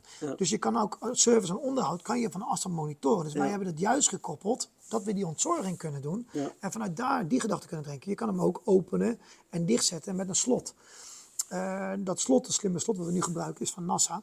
En NASA hebben een eh, PNR-software, dus oftewel een park and ride. Waarbij je dus eh dagjes mensen, wat je nu in Den Haag ziet, vanaf een half uur 70 euro betalen voor te parkeren. Dat is alleen maar om mensen af te schrikken. En er zijn er nog genoeg die die 70 euro gaan Ja, betalen. Maar je wil dat ze buiten eh, zo'n stad of een drukpunt of van een locatie, een regio, een streek, er buiten gaan parkeren. En daar vandaan met een ander alternatief eh, naar het strand gaan. Of Ja. juist een bosrijk gebied ingaan. Of bij Zandvoort met Formule 1. Dat je zegt, hey, je moet op een andere manier daarin gaan gebruiken. Dan moet je het wel beschikbaar stellen. Ja. Als je dan je auto wel kan parkeren op een parkeerplaats. Maar dan staat er geen oplossing dat je van die parkeerplaats hebt. Want dan ligt die parkeerplaats in de middle of nowhere. Ja. Als je dan die fietsgebeurd hebt dat je daar komt, maar de parkeerplaats is vol, omdat iedereen die voor jou was al zijn auto neergezet hebt, Ja. heb je er ook niks aan. Heb je al een fiets gehuurd, maar dan kan je auto niet parkeren. Dan ga je alsnog in het dorp, dan betaal je dus wel die 70 euro om een half uur te parkeren. En je moet weer terug gaan lopen om die fiets op te halen die je ook al betaald hebt. Ja. Dat is gewoon slimme software die... eh, so- slimme, Slimme software. Spreek maar, hè. Ja. Eh, slimme software die, die eh, bijvoorbeeld... en dat moet dan wel weer gekoppeld kunnen worden aan je slot. Want anders heb je wel slimme Ja. software, maar ze gaan niet in het slot. Dat slot Nee. moet dan wel kunnen communiceren met de fiets. Ja. En de fiets wel weer aan het inductieniveau. En dat hebben we dan met een tijlijn bijvoorbeeld. dat is ook een heel slim alternatief die inductie kan laden vanuit een tegel vandaan. Ja. Vanuit wat standaard, die eigenlijk hier beneden ook heb zien staan en die we al een tijdje aangeeft. Eh, daarnaast zijn we ook met Intis bezig en dat is eigenlijk wel meer een hub-based oplossing. Hub-based wil zeggen dat je uit van een vast punt vandaan, waarbij de fiets met de voorvork en al Ja. vastklikt en ook gelijk een laadtechniek. En die Ja. geeft ook bepaalde waarden aan wie mag hem gebruiken. En dan kom je op een, eigenlijk een vaste, een vaste groep gebruikers, zoals ze het mooi noemen, een closed user group. Ja. Eh, die kan toegezegd worden, bijvoorbeeld eh, dat die medewerkers, die werkt alleen dinsdag en donderdag op dat bedrijf. En dan mag hij hem gebruiken met een NFC-pas of met een Bluetooth of een vrijstem. Ja. En dat die andere medewerker hem die en die dag kan gebruiken. Of in principe een heel bedrijf kan gebruiken. Of misschien wel een hele techcampus gebruik kan maken van deelmobiliteit. Of Ja. bepaalde sloten, dat buurtbewoners of andere gebruikers hem buiten het verhaal kan, eh, kan gebruiken. Ja, Ja, ik zit even naar de tijd te kijken, maar we zitten al eh, ruim eh, anderhalf uur. Dus we moeten misschien een beetje naar een afronding. want volgens mij kunnen wij nog wel drie, drie uur eh, ja door, het, is, het is eh, veel te praten. Het is, het is mooi. doorpraten. Dus even kijken, als ik zo. Heb ik nou alles. Ja, je begon over de bijtouwen. En dat is wat wij eigenlijk als de one-stop shop zien. Ja. een, een deeloplossing. Dat mensen zeggen, ja, maar dan heb ik voor fietsen heb ik heel veel ruimte nodig. Hè, dus Ja. 100 fietsen naast elkaar. En zeker als die nog een keer vastgesteld moet worden. Dat het een beetje staat en ook nog kan laden. En hoe gaan we dat doen? Ja. Eh, daar komen wij eh, met een oplossing die we in de markt gevonden hebben. is een bestaande oplossing. Bestaat namelijk al sinds 2014 is de eerste bike tower in Tsjechoslowakije Ja. neergezet. Eh, dat is naast een openbaar vervoer, dus een treinstation, eh, is al daadwerkelijk actief. Dus die bestaat al bijna negen jaar. Zijn er nu inmiddels al twintig van meer. 17 Tsjechoslowakije, één in Israël, één in Duitsland, één in Oostenrijk neergezet. Dat kwamen we tegen. En dat vonden we zo'n innovatief idee. Dat we denken van ja, maar dit is eigenlijk wel geniaal. Want op Ja. 8 meter bij 8 meter Ja. zet je een toren neer. Die toren slaat die fiets op. En dat is eigenlijk met de gedachte geweest als privégebruiker. Als jij Ja. een dure fiets hebt, een racefiets, een mountainbike of wat dan ook. Dan wil je dat niet bij het treinstation tussen de standaard Opel-fietsen die je voor 25 euro bij je buurtjongeren gekocht hebt, die verroest is, erin zetten. Want ja, het, zijn, het is toch een dure statussymbool, Ja, hè, ja, een fiets. En dan kan jij misschien wel een, een dure streumenfiets hebben of een, een ander duur merk van boven hebben of een, eh, gewoon een dure fiets hebben, omdat je het gewoon fijn vindt. En die kan het veroorloven. Jij kiest niet voor om een geld in de auto te stoppen, maar in een fiets. Ja. En iemand anders gaat daardoor vandalisme of jouw fiets beschadigen. En ga maar eens Ja, verhalen, dies- wie heeft diefstal, dat eh, gedaan. dat soort dingen. Kijk, kijk Ja. naar. Ja. Nou, daar is een idee op gedacht van nou, als die fiets een soort van vendingmachine weg kan zetten. Ja. eh, en dan staat hij droog. Dat wil je graag hebben. Hij staat weg. Je kan met een unieke code weer oproepen. Ja. Eh, en hij staat veilig op een aangewezen punt. Ja. Dus ook daarin kan bijvoorbeeld een, een, een, een, eh, een techcampus of een, shoppingmall. Of misschien wel zeggen een ziekenhuis. Zeggen, hey, wij hebben daar een ruimte. Of misschien wel iets, Ja, eh, ja, ja. een deel waarbij je deelfietsen, iets op actief toerisme te bevorderen bijvoorbeeld. Waarbij gezegd wordt, goed, daar willen we dan wel een punt waar je kan parkeren. Maar dan moet er ook een fiets te pakken zijn. Nou, die fiets wil je droog hebben staan, makkelijk oproepbaar zijn. En die kunnen we monitoren of die fiets niet met schade weggegaan is. Dus het kan ook een camerasysteem in, waarbij je zelf eh, slim kan zien wat er is. Ja. Daar hebben we nu exclusiviteit voor, voor België, Nederland en Luxemburg. Ja. Voor de aankomende tien jaar. Ja. Moeten we een bepaald rendement halen. En in drie, eerste drie jaar zijn zo en zo eigenlijk altijd vast erin kunnen eh, wegzetten. Waarbij je gedacht hebben, hey, zo'n tool zou het niet leuk zijn als je daar eh, je short, maar ook dat je hem zou je, je vermarkten. eigen brand, eh, net Ja. zoals op de fiets, eh, ja. weet ik veel, Albert Heijn of Spar of KPN of wat dan ook heb staan. ja, marketing. Vooral marketing eh Ja. is. Dus als jij daar als Dat groot is bedrijf hebt staan. en, enorm eh, eh, interessant, dat soort plaatjes. Zeg maar. Ja. Dat je naast je, nou ja, eh, wat we al zeiden, van dat er tegenwoordig al heel makkelijk overal de, de term duurzaamheid of eh, veiligheid of wat dan ook krijgt. circulair is ook weer zo'n nieuw toverwoord. Maar, maar ja, als je dat wel op die manier toch ook uitstraalt, dat je daar ook me- eh, daadwerkelijk die fiets ziet rijden met, weet ik veel, met KPN of, Ja, of, wat, of wat dan ook. Of, en, en je hebt ook nog naast je pand je, zo'n, zo'n toren staan waar je die, dat fietsenplan nou, wat wij in in de, hebt, ik maar zeggen. wat wij in de markt eh, tegenkomen, zeker in de zakelijke markt, is dat de eerste vraag is, wat kost dat? Ja, En wij zeiden het verhaal om, nee, wat levert het op? Ja, Kijk, die fiets die wij bij jou binnen het bedrijf gaan zetten, of als wij een oplossing gaan bieden, is een alternatief voor autogebruik of een ander duurder product. ja, Dus als een, een, een auto een afschrijving heeft van een x bedrag, dan zetten we een alternatief daarvoor die veel goedkoper is. Dus Ja. het gaat jou ook geld opleveren Ja. in plaats van geld kosten. Maar het eerste waar we zeker in, waar Ja, de huidige ja, vorm zitten, is alles geld. dan, wat gaan we eraan verdienen? Wat moet dus op het moment, ja, wat kost een fiets? En wij zeggen, hé, hey, wacht eventjes, deze fiets kan makkelijk 10, 12, 13 jaar mee. Ja. Deze fiets bespaart je dus vier andere fietsen. Deze fiets bespaart jou dat er zoveel personeel van jou een leaseauto misschien zeggen we nou die hoef ik Ja. niet zo nodig, want ik pak wel die fiets of deelmobiliteitoplossingen, waarbij je dus minder andere dure trajecten nodig had gehad om hetzelfde te kunnen bevorderen. ja. En- Gebruik van eh, ja. duurzame kettingen Ook weer gedragsverandering. Ja, ook je daarin. eh, langer, kijk, eh, de aanschafwaarde zit onze accutechniek gewoon drie keer duurder als lithium, eh lithium, lithium-ion. Aan Ja. de andere kant, we hebben een twaalf keer langere levensduur. Ja. We hebben ook geen uitval. We kunnen snel laden. Dus je hoeft ook geen derde, vierde accu te hebben. Omdat als jouw collega's kun je het met een andere accu. Nee, die hebben je Nee, nodig. die je nodig, Je hebt ook geen dure opgeladen. laadkast. Je hebt ook geen duurdere verzekering nodig. Je hebt ook niet allerlei lastige vragen van je, van je huisbaas of degene van de eigenaar van het vastgoed. Die zegt ja, maar dat wil ik niet. Het is nog geen wetgeving, het is wel een richtlijn. Een eigenaar van een pand mag het wel tegen jou stellen dat hij niet wil dat jij binnen de gesloten onbemand hier jouw accu's op gaat laden. Dat is, dat is nu eh, nog geen wet, Nee. maar het is wel een richtlijn Ja. waarbij hij op kan renderen dat niet wil dat jij dat mag doen. Ja. En dat zijn wel eh, voorwaarden dat we allemaal kunnen ontzorgen. Automotive industrie, waarbij wij zeggen, hé, hey, wacht eventjes.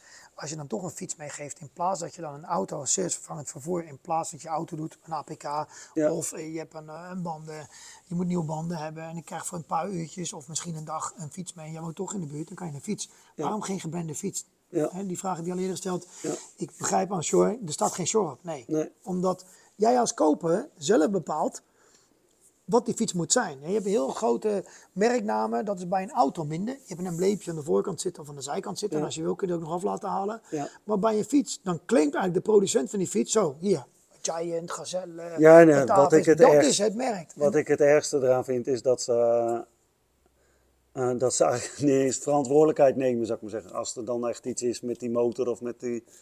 Dan, Precies. dan is een fietsenmaker dat vaak al aan het opknappen, zeg maar. En die Ja. fietsenmaker, eh, die, zijn rendement wordt daar niet heel erg veel beter van, zou ik maar zeggen. Ja. Ja, en als je daar, en ja, tot nu toe zijn we dat nog allemaal met z'n allen gewoon leuk aan, aan doen, zou ik maar zeggen. En, en vraag, vandaag of morgen gaan die merken steeds meer, dat zie je al gebeuren, zeg maar. Trek, eh, Cube, eh, weet ik veel, komen met hun eigen store, zou ik maar zeggen. Gaan rechtstreeks eh, meer... En terecht, en een goed maar, als, verdienmodel. als Stello. Ja, de- dat scheelt zeg maar, wat, als er, weet ik veel, wat zit er voor marge op een fiets, 25 tot 40 procent. En, en, en een auto van een vertegenwoordiger en een laptop en een hele reuze pleut, als je dat allemaal weg kan halen. dan- Precies. Dan, dan, dan, Daar gaat het wel in, hè? Maar ja, in dit plaatje zou ik maar zeggen, ja, dan wordt het gewoon uh, opgelost, zou ik maar zeggen. En, en, nu, en nu zit ik, uh, als, het, als ik uh, een probleem heb met, me, met mijn motor, of en ik moet er drie keer een nieuwe inzetten, of met mijn ketting en tandwielen, ja, ja, het is al versleten, ja. Ja, dat komt omdat je een middenmotor hebt, ja. Nou, Eén is natuurlijk het kostenplaatje. Aan ja. de andere kant de frustratie, omdat je op dat moment, als je, kijk, je gaat er achter komen wat je nodig hebt.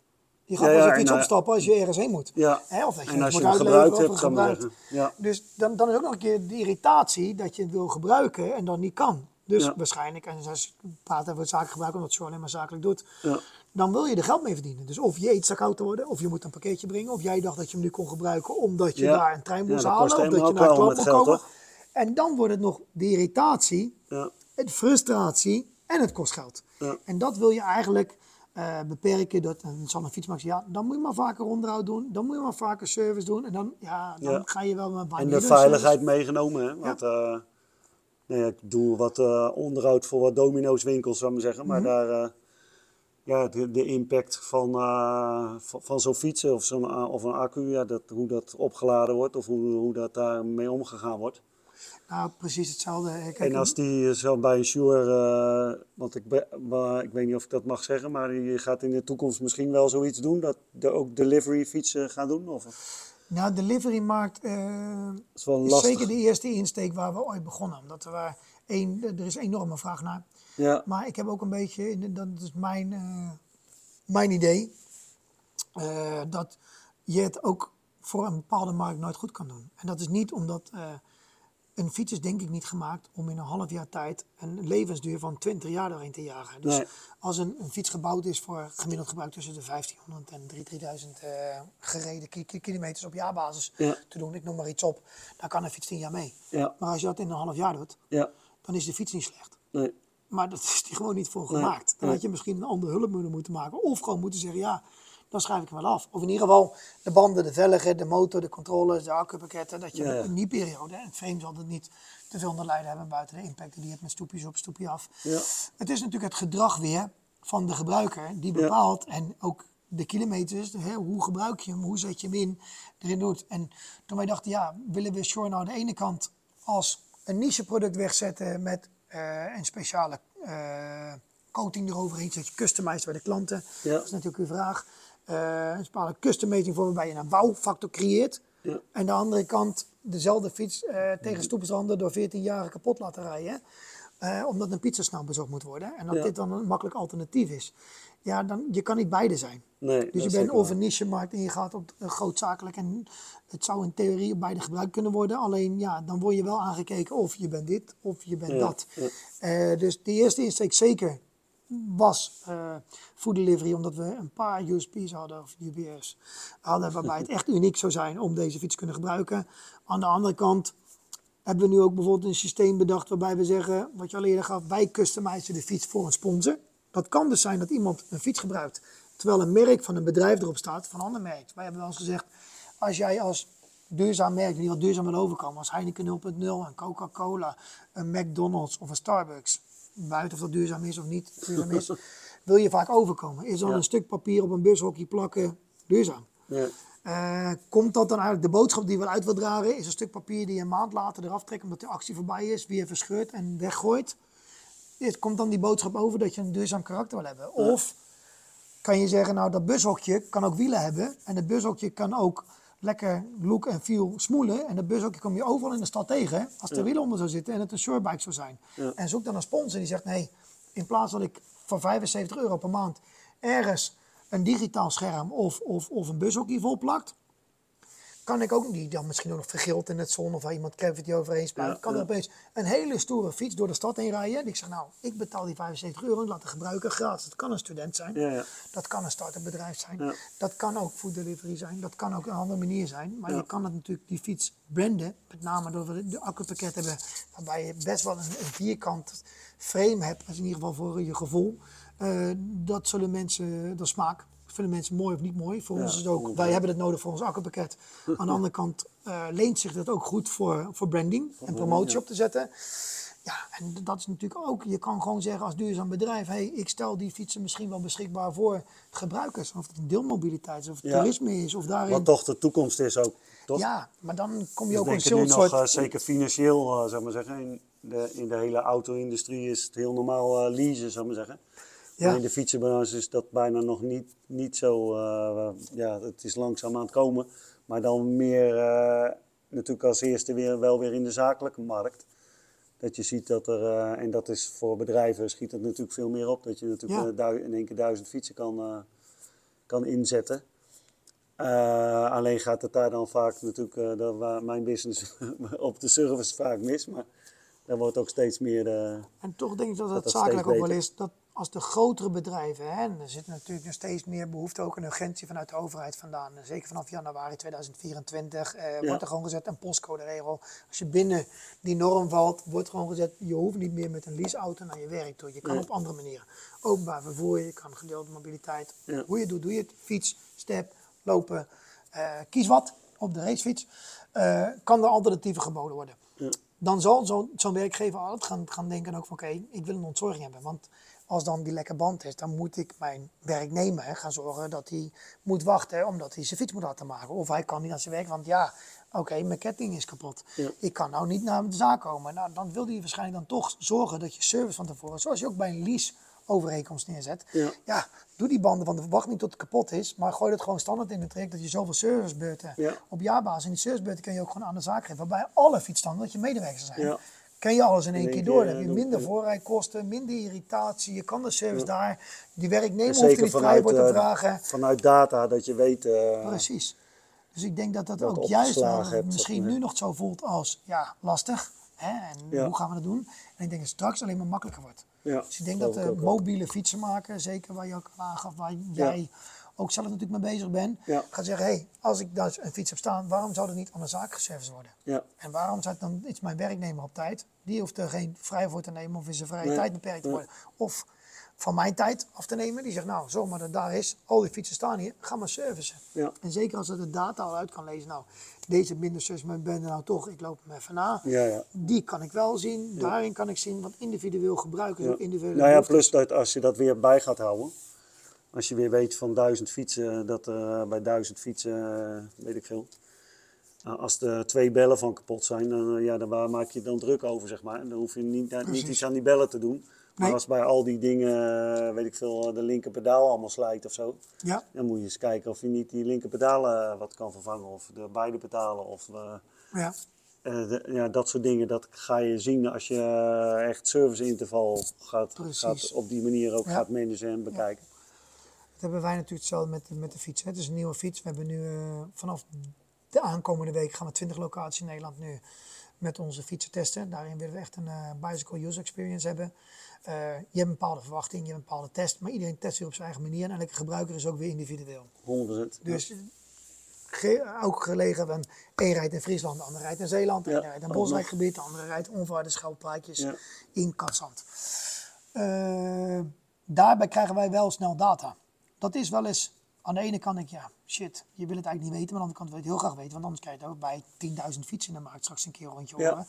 En dan kan je niet meer integreren. Dus ook daar zitten we op en daar proberen we continu in. Wij hebben gelukkig dan veel ervaring met ervaren fietsverhuurders. Die ook zelf veel Ja, ja, kunnen. Dus vanuit de we- ja. historie natuurlijk. En dat is ook wel op de zakelijke markt nu nog terughoudend zijn en wel nu alvast pijlers gaan beginnen. Eh, je weet vanaf dag één dat we betrokken zijn geweest om bij, eh, bij Enschede met eh, de Tech Campus die Ja. daar zit. Een bepaalde behoefte hebt met het kennispark daar. Waarbij ze auto luw willen zijn en eigenlijk de parkeerplaatsen willen reduceren naar nul brengen. Waarbij FC Stadion, FC Twente Stadion gebruikt gaat worden als eigenlijk een opstappunt. Ja. Mogen we nu een eh, test. Daar hebben we met interim studenten de afgelopen vier maanden een, een plan opgeschreven. Die eigenlijk eh, door Breda eh, University of Applied Scientists eh, gereguleerd een plan waarbij eh, gebruik gemaakt wordt van lectuur die voorhanden was door verschillende partijen. Door, ook door uit de gemeente en, en streek en waarbij de slimme koppen uit de automotive industrie, maar ook uit mobility as a service partijen hun, eh, hun zegje gedaan hebben. En waarbij ook verschillende oplossingen van onze kant van aangeboden hebben. En waar we nu bijvoorbeeld ook fietsen hebben gezet. Hightech Campus, een van de volgende stadions waarbij we met Tyler eigenlijk uit een, een slimme lantaarnpaal die ook gelijk een laadpunt kan zijn voor auto's, maar Ja. ook gelijk voor fietsen. Eh, waar een tijler komt en waar dus een fiets nu van ons als, als, als project mag gaan dienen, als piloting. eh, PSV die zegt, hey, wij willen voor onze medewerkers, maar we hebben ook eh, units erin die we verhuren voor bedrijven Ja. eh, in het stadion. Daar willen we naar de Het gaan toe of buurtbewoners moeten naar Eindhoven toe. Kunnen we niet fietsen van jullie wegzetten en dat moeten dan ook brandable fietsen zijn, zodat we ook laten zien van hé, hey, dit zijn Maar PSV-fietsen. liever een Feyenoord fietsen. Ja, ja nou, toevallig, Dan moet je niet bij PSV neerzetten. toevallig hopen we dat er wel op. We hebben wel een app laten bouwen via onze partners Plus Digital, die een, eh, een soort van loyalty eh, crediting fanbase app Ja. gebouwd hebben. En ook daar zeggen we, ja, als we een app hebben, die hebben voor Feyenoord, dan zou het ook andersom, maar dan zouden die fietsen ook weer daarin kunnen. Dus Ja, ja, eh, ja. AZ, eh, de partij waar we die laadpalen mee doen, die worden aankomend jaar zo, eh, Somovi, vanuit ik het goed zeg, die leveren laadpalen van Zerova. Dat zijn de Shell Recharge laadpalen, die snellaadpalen. Ja. Eh, die mogen dat overal in een eh, ontzorgingssysteem wegzetten. Dat is eigenlijk een plan van wij zetten palen neer, we ontzorgen zeven plaatsen en we vragen bij de gemeente de aansluitingen, we leveren hem aan, we doen een servicecontract erop en bla bla bla bla. Ja. Dan zetten wij, als jullie stroom hebben, kunnen wij fietsen er weer vandaan eh, pakken. Ja, ja. Kunnen we onze fiets opladen aan jullie palen. Hetzelfde verhaal. En samen, die worden shirtsponsor van AZ bijvoorbeeld. Ja. Dus zo zijn er echt wel wat grote projecten gaande die we in echt wel de aankomende tijd voor september, oktober nu gaan uitrollen. Ja. De eerste 1700 fietsen zijn nu binnen in Nederland. Eh, de eerste 350 accu's zijn dus ook binnen. Eh, dat, heb, dat heb ik je voor de podcast uitgelegd. Ja. Wat, wat langer geduurd als erin. Geef aan de andere kant ook niet. Je hebt als ondernemer ook wel vaak een idee wat je graag wil bereiken en waar je heen wil. En dan moet de markt ook maar daar klaar voor staan. Ja. Ik heb nu een beetje het gevoel sinds Streumer op de Eurobikes aangegeven heeft dat ze ook met een non-flammable accupakket bezig zijn Ja. die snel kunnen laden. Is dat juist niet concurrerend, maar juist voor ons een bevestiging. Hè, dat de grote partijen, van, dat is ook de eerste vraag natuurlijk wat we krijgen, van ja, waarom heeft iedereen dit niet dan? En waarom hebben andere partijen dit niet? Nou, blijkbaar zijn andere Zat partijen er zeker eh, mee bezig, alleen hebben Een die... soort van defensievraag of zo krijg je Precies, altijd. hè. Als je iets, het is met vaak iets dat jij iets hebt bedacht, eh, waarom dan iemand anders het niet ja, heeft. ja, ja. Eh, dat, maar dat is met alles zo natuurlijk. Dat is innovatie en dat heeft ook een bepaalde redenen. Maar ja, nu streumen dus met een vergelijkbaar eigenschappen in een accupakket. Dus non-flammable, snel laden. Alleen hebben die natuurlijk een solid-state accu. Ja. eh, ceramic solid-state eh, accu. eh, techniek, heel anders. Maar die zeggen nu ook dat ze pas over misschien zes jaar productiebereid zijn. Ja, nou, dat geeft in dat wij nu op de markt zijn, maar ook tegen bepaalde dingen misschien gaan aanlopen. Dat het een leerproces is. Ja. En daar we zeker op een goede manier mee om moeten gaan. Ja.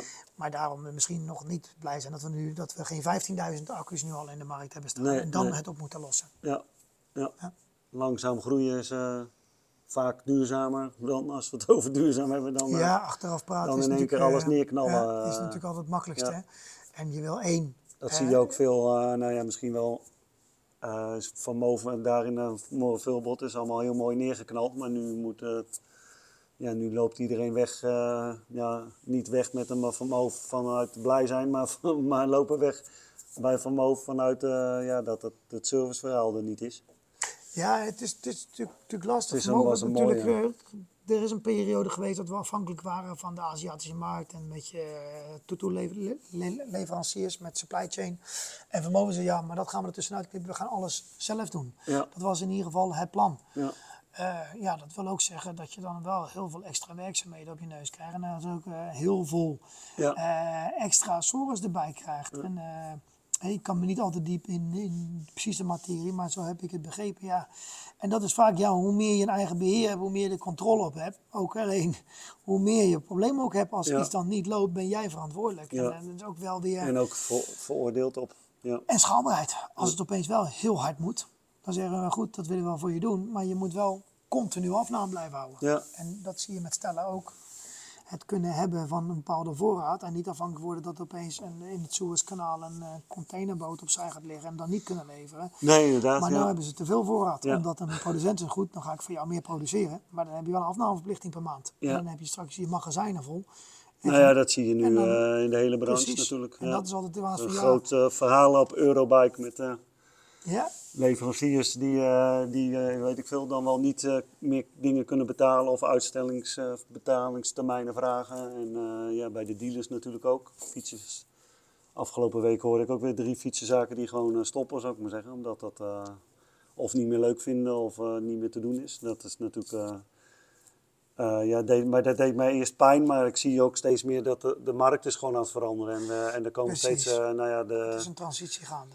De, de Lauwman, de, de, de, Broekhuizen die, die, en Pon als grotere partij natuurlijk. Het is eigenlijk al heel grotendeels autobranche aan het worden. Ja. Of automotive dan, zou ik maar zeggen.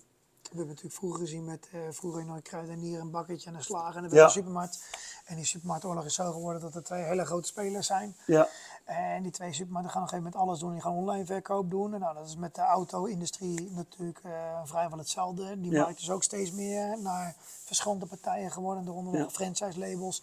En die fietsen wordt ook natuurlijk steeds meer. En ja, de sterkste overwinnen. En degene die ook financieel de langste adem hebben, die kan ook wat andere mensen wat meer pijn doen. Ja. En de ander zal gaan stunten met prijzen. Alleen kom je nooit meer weg dan, dan blijf je altijd het dumpingverhaal. En dan Ja, krijg je nooit ook zo snel weer terug. Nou ja, maar het, het rare vind ik, blijft ook altijd, dat hoor ik ook weer op de Eurobike, dat, of soms nog wel van buitenstaanders, die zeggen dan, ja, die fietsenbranche, dat is gauw business, zou ik maar zeggen. het maar- gevoel is, het is duur geworden, dus je zal wel heel veel verdienen. Ja, Ja, zo- maar als, zoiets, dingen, maar duurder, als je als nu dingen duurder worden, wil niet altijd zeggen dat je meer een- overhoudt. Hè? naar een fietsenzaak kijkt, wat de kosten eh, die heeft, zou ik maar zeggen. Nou ja, Ja. Daar, en daar kun je natuurlijk keuzes in maken. Ik heb op een gegeven moment natuurlijk mijn, mijn zaak weggedaan wat 3000 in de maand kost. En ik Ja. heb nu een bus, eh, financiële lease, 250 in de maand. Dus ja, Ja. ik heb al bijna een maand salaris verdiend door een bepaalde keuze te maken. En eh, ja, die kan iedereen uiteindelijk maken. In, eh, en dat zie ik ook steeds meer, dat de fietsenmakers zeggen, nou, ik stop gewoon met mijn winkel en ik ga ook lekker op zo'n bus rijden. Of, eh, ja. En dat is dan natuurlijk meer een monteur die dat vindt. En veel vinden die e-bikes is natuurlijk heel anders dan een gewone fiets die we altijd hadden. En eh, het publiek verandert natuurlijk ook steeds anders. Eh, de consument verandert. Eh, wij, wij zelf veranderen allemaal. Dus Ja, is een enorme Daar hebben we allemaal, transitie gaande en behoeftetransitie Ja. gaande. En daar zal ook ja, de producenten als wel de winkels aan moeten kunnen, of zullen mee, mee moeten gaan in die hele transitie. En Ja. Dat is wel een, laat ik zo zeggen, dan ben je ondernemer van innovatie. En het is een spannende periode en het maakt ook wel de uitdaging. Maar het is ook wel weer, ja, ik vind het leuk, zeg maar. En het is ook soms niet leuk natuurlijk. Maar ik, ik heb ook geleerd, eh, juist van de niet leuke dingen in het leven, dat je daar ook door de groei weer kan zien. En de, precies, en de mooie dingen toch weer, Ja. weer terug kan halen, zou ik maar zeggen. voor de dingen die je verliest Goed. of eh, de wedstrijden die We je niet hebben gewonnen volgens mij twee uur eh, erop zitten. Dat is een, eh, een lange podcast. Een lange podcast. We gaan hem, eh, gaan hem afronden. Of je moet nog een eh, detail hebben wat, ik, eh, wat je echt nog zou willen noemen, wat, ik niet, wat ik nog niet genoemd heb. Nee, dat betreft zijn we allebei natuurlijk wel liefhebbers van ondernemen als wel van, van, van de fietsindustrie. Dus dat betreft kunnen we hier nog wel tot, tot maandagochtend Ja, doorgaan. dat denk ik zeker. Maar ik denk dat, het, moeten ook nog, eigenlijk wel veel besproken hebben. Tour de France kijken en Formule 1 kijken. Dus, Ja, ja. waar- hoe, hoe kunnen mensen je vinden als ze je kunnen willen bereiken? Nou, we hebben onze website shore-mobility.com. Eh, we zijn gevestigd in Harderwijk eh, aan de Lorentstraat 11, pand nummer 8. Eh, nou, je kan op ons LinkedIn op vinden, je kan ons op, op social media vinden. Ze Ja. kunnen natuurlijk dan ook graag bij jou terecht. Via mij, maar terecht ook Via altijd jou. Je bent natuurlijk vanaf dag 1 al betrokken bij Ja. het hele traject en ook alles gezien met de, de innovatie en ook de wijze, denkwijze, ideologie die wij achter het bedrijf hebben. Ja. En van 15.000 fietsen op jaarbasis naar een selectief groepje, omdat we ook gewoon daarin onze stappen hebben moeten maken en hoe we het nu op eh, positioneren in de markt. Ja. Eh, is denk ik ook een, een, mooi, een mooie reis. Eh, ook wel eens een frustrerende reis dat je Ja, ja, Hè, de wensen die je hebt niet altijd zo snel gaan, omdat je gewoon ook afhankelijk bent van andere factoren die je niet onder grip kan hebben. Nee, maar dat geeft ook juist je positie steeds meer eh, ja, een plek, zou ik maar zeggen. En eh, daardoor, eh, en de, nou ja, als er ruimte in tijd is, zeg maar zeggen, want we, we leven, we de tijd is uiteindelijk, heb ik in ieder geval ervaren, meer een psychologische tijd, zou ik maar zeggen. En niet betaalbaar. nee. Nee, je kan alles kopen in het leven, maar geen tijd. Nee, nee. Dus daar. maar dat vind ik uiteindelijk. Eh, nou ja, binnen het plaatje wat jullie hebben neergezet, is dat. eh, ja, gewoon een heel. eh, nou ja. eh, wat heb je dit nu? In- Wat is dit? In een jaar of twee, denk ik? Anderhalf, twee jaar? Nee, nee ik ben eh, vorig jaar mei het eerste keer zo'n fiets gezien. Toen ben ik gaan, eh, eraan gaan zitten. Toen hebben we de eerste op de Velovak in september 2021 een prototype neergezet. Met een, eh, volgens mij was de remkabel niet eens aangesloten. Nee. Er zat niet eens een accu in. zijn we gaan begonnen te kijken van, joh, wat vind ik, dat is mijn idee, maar wat vindt de markt er eigenlijk Ja, wel ja. van? En op de World of E-Mobility is eh, eigenlijk, dat was een maand later. Volgende En stap. toen konden we met name, omdat die cargo, eh, eh, toen was de World of Cargo, Ja, cargo Car- bikes Cargo. Festival. Ja. En opeens ging iedereen proberen om, om, om een karretje achter onze fiets te plaatsen. Omdat Ja. je had geïntegreerd in een soort Risca-systeem waarbij het geïntegreerd was. Ja. Het is veel praan op andere partijen. Of je had een los karretje, maar daar moest een fiets voor. En hier zei ja, maar daar zijn mijn fietsen niet voor gemaakt. Ja. die van ons juist wel, omdat je snel kan laden en, en hè, een hoog koppel hebt. En eh, Ja. die motor er echt voor, voor dien doet. En een one-speed. Dus eh daar kon die gelijk eh, onder in een trekvermogen had. En heel snel opladen. Dus anders is natuurlijk je accu ook vrij snel. Als je meer gewicht eraan had, trek je je accu snel leeg. Maar wij konden snel weer bijladen. Dus als je aan het, eigenlijk het lossen was, kon de fiets weer laden. Kunnen de fiets alweer laden. Ja. Ja. Goed. Eh, dankjewel eh, Patrick. En jij bedankt, eh, En luisteraars, dank voor het luisteren en tot een volgende podcast.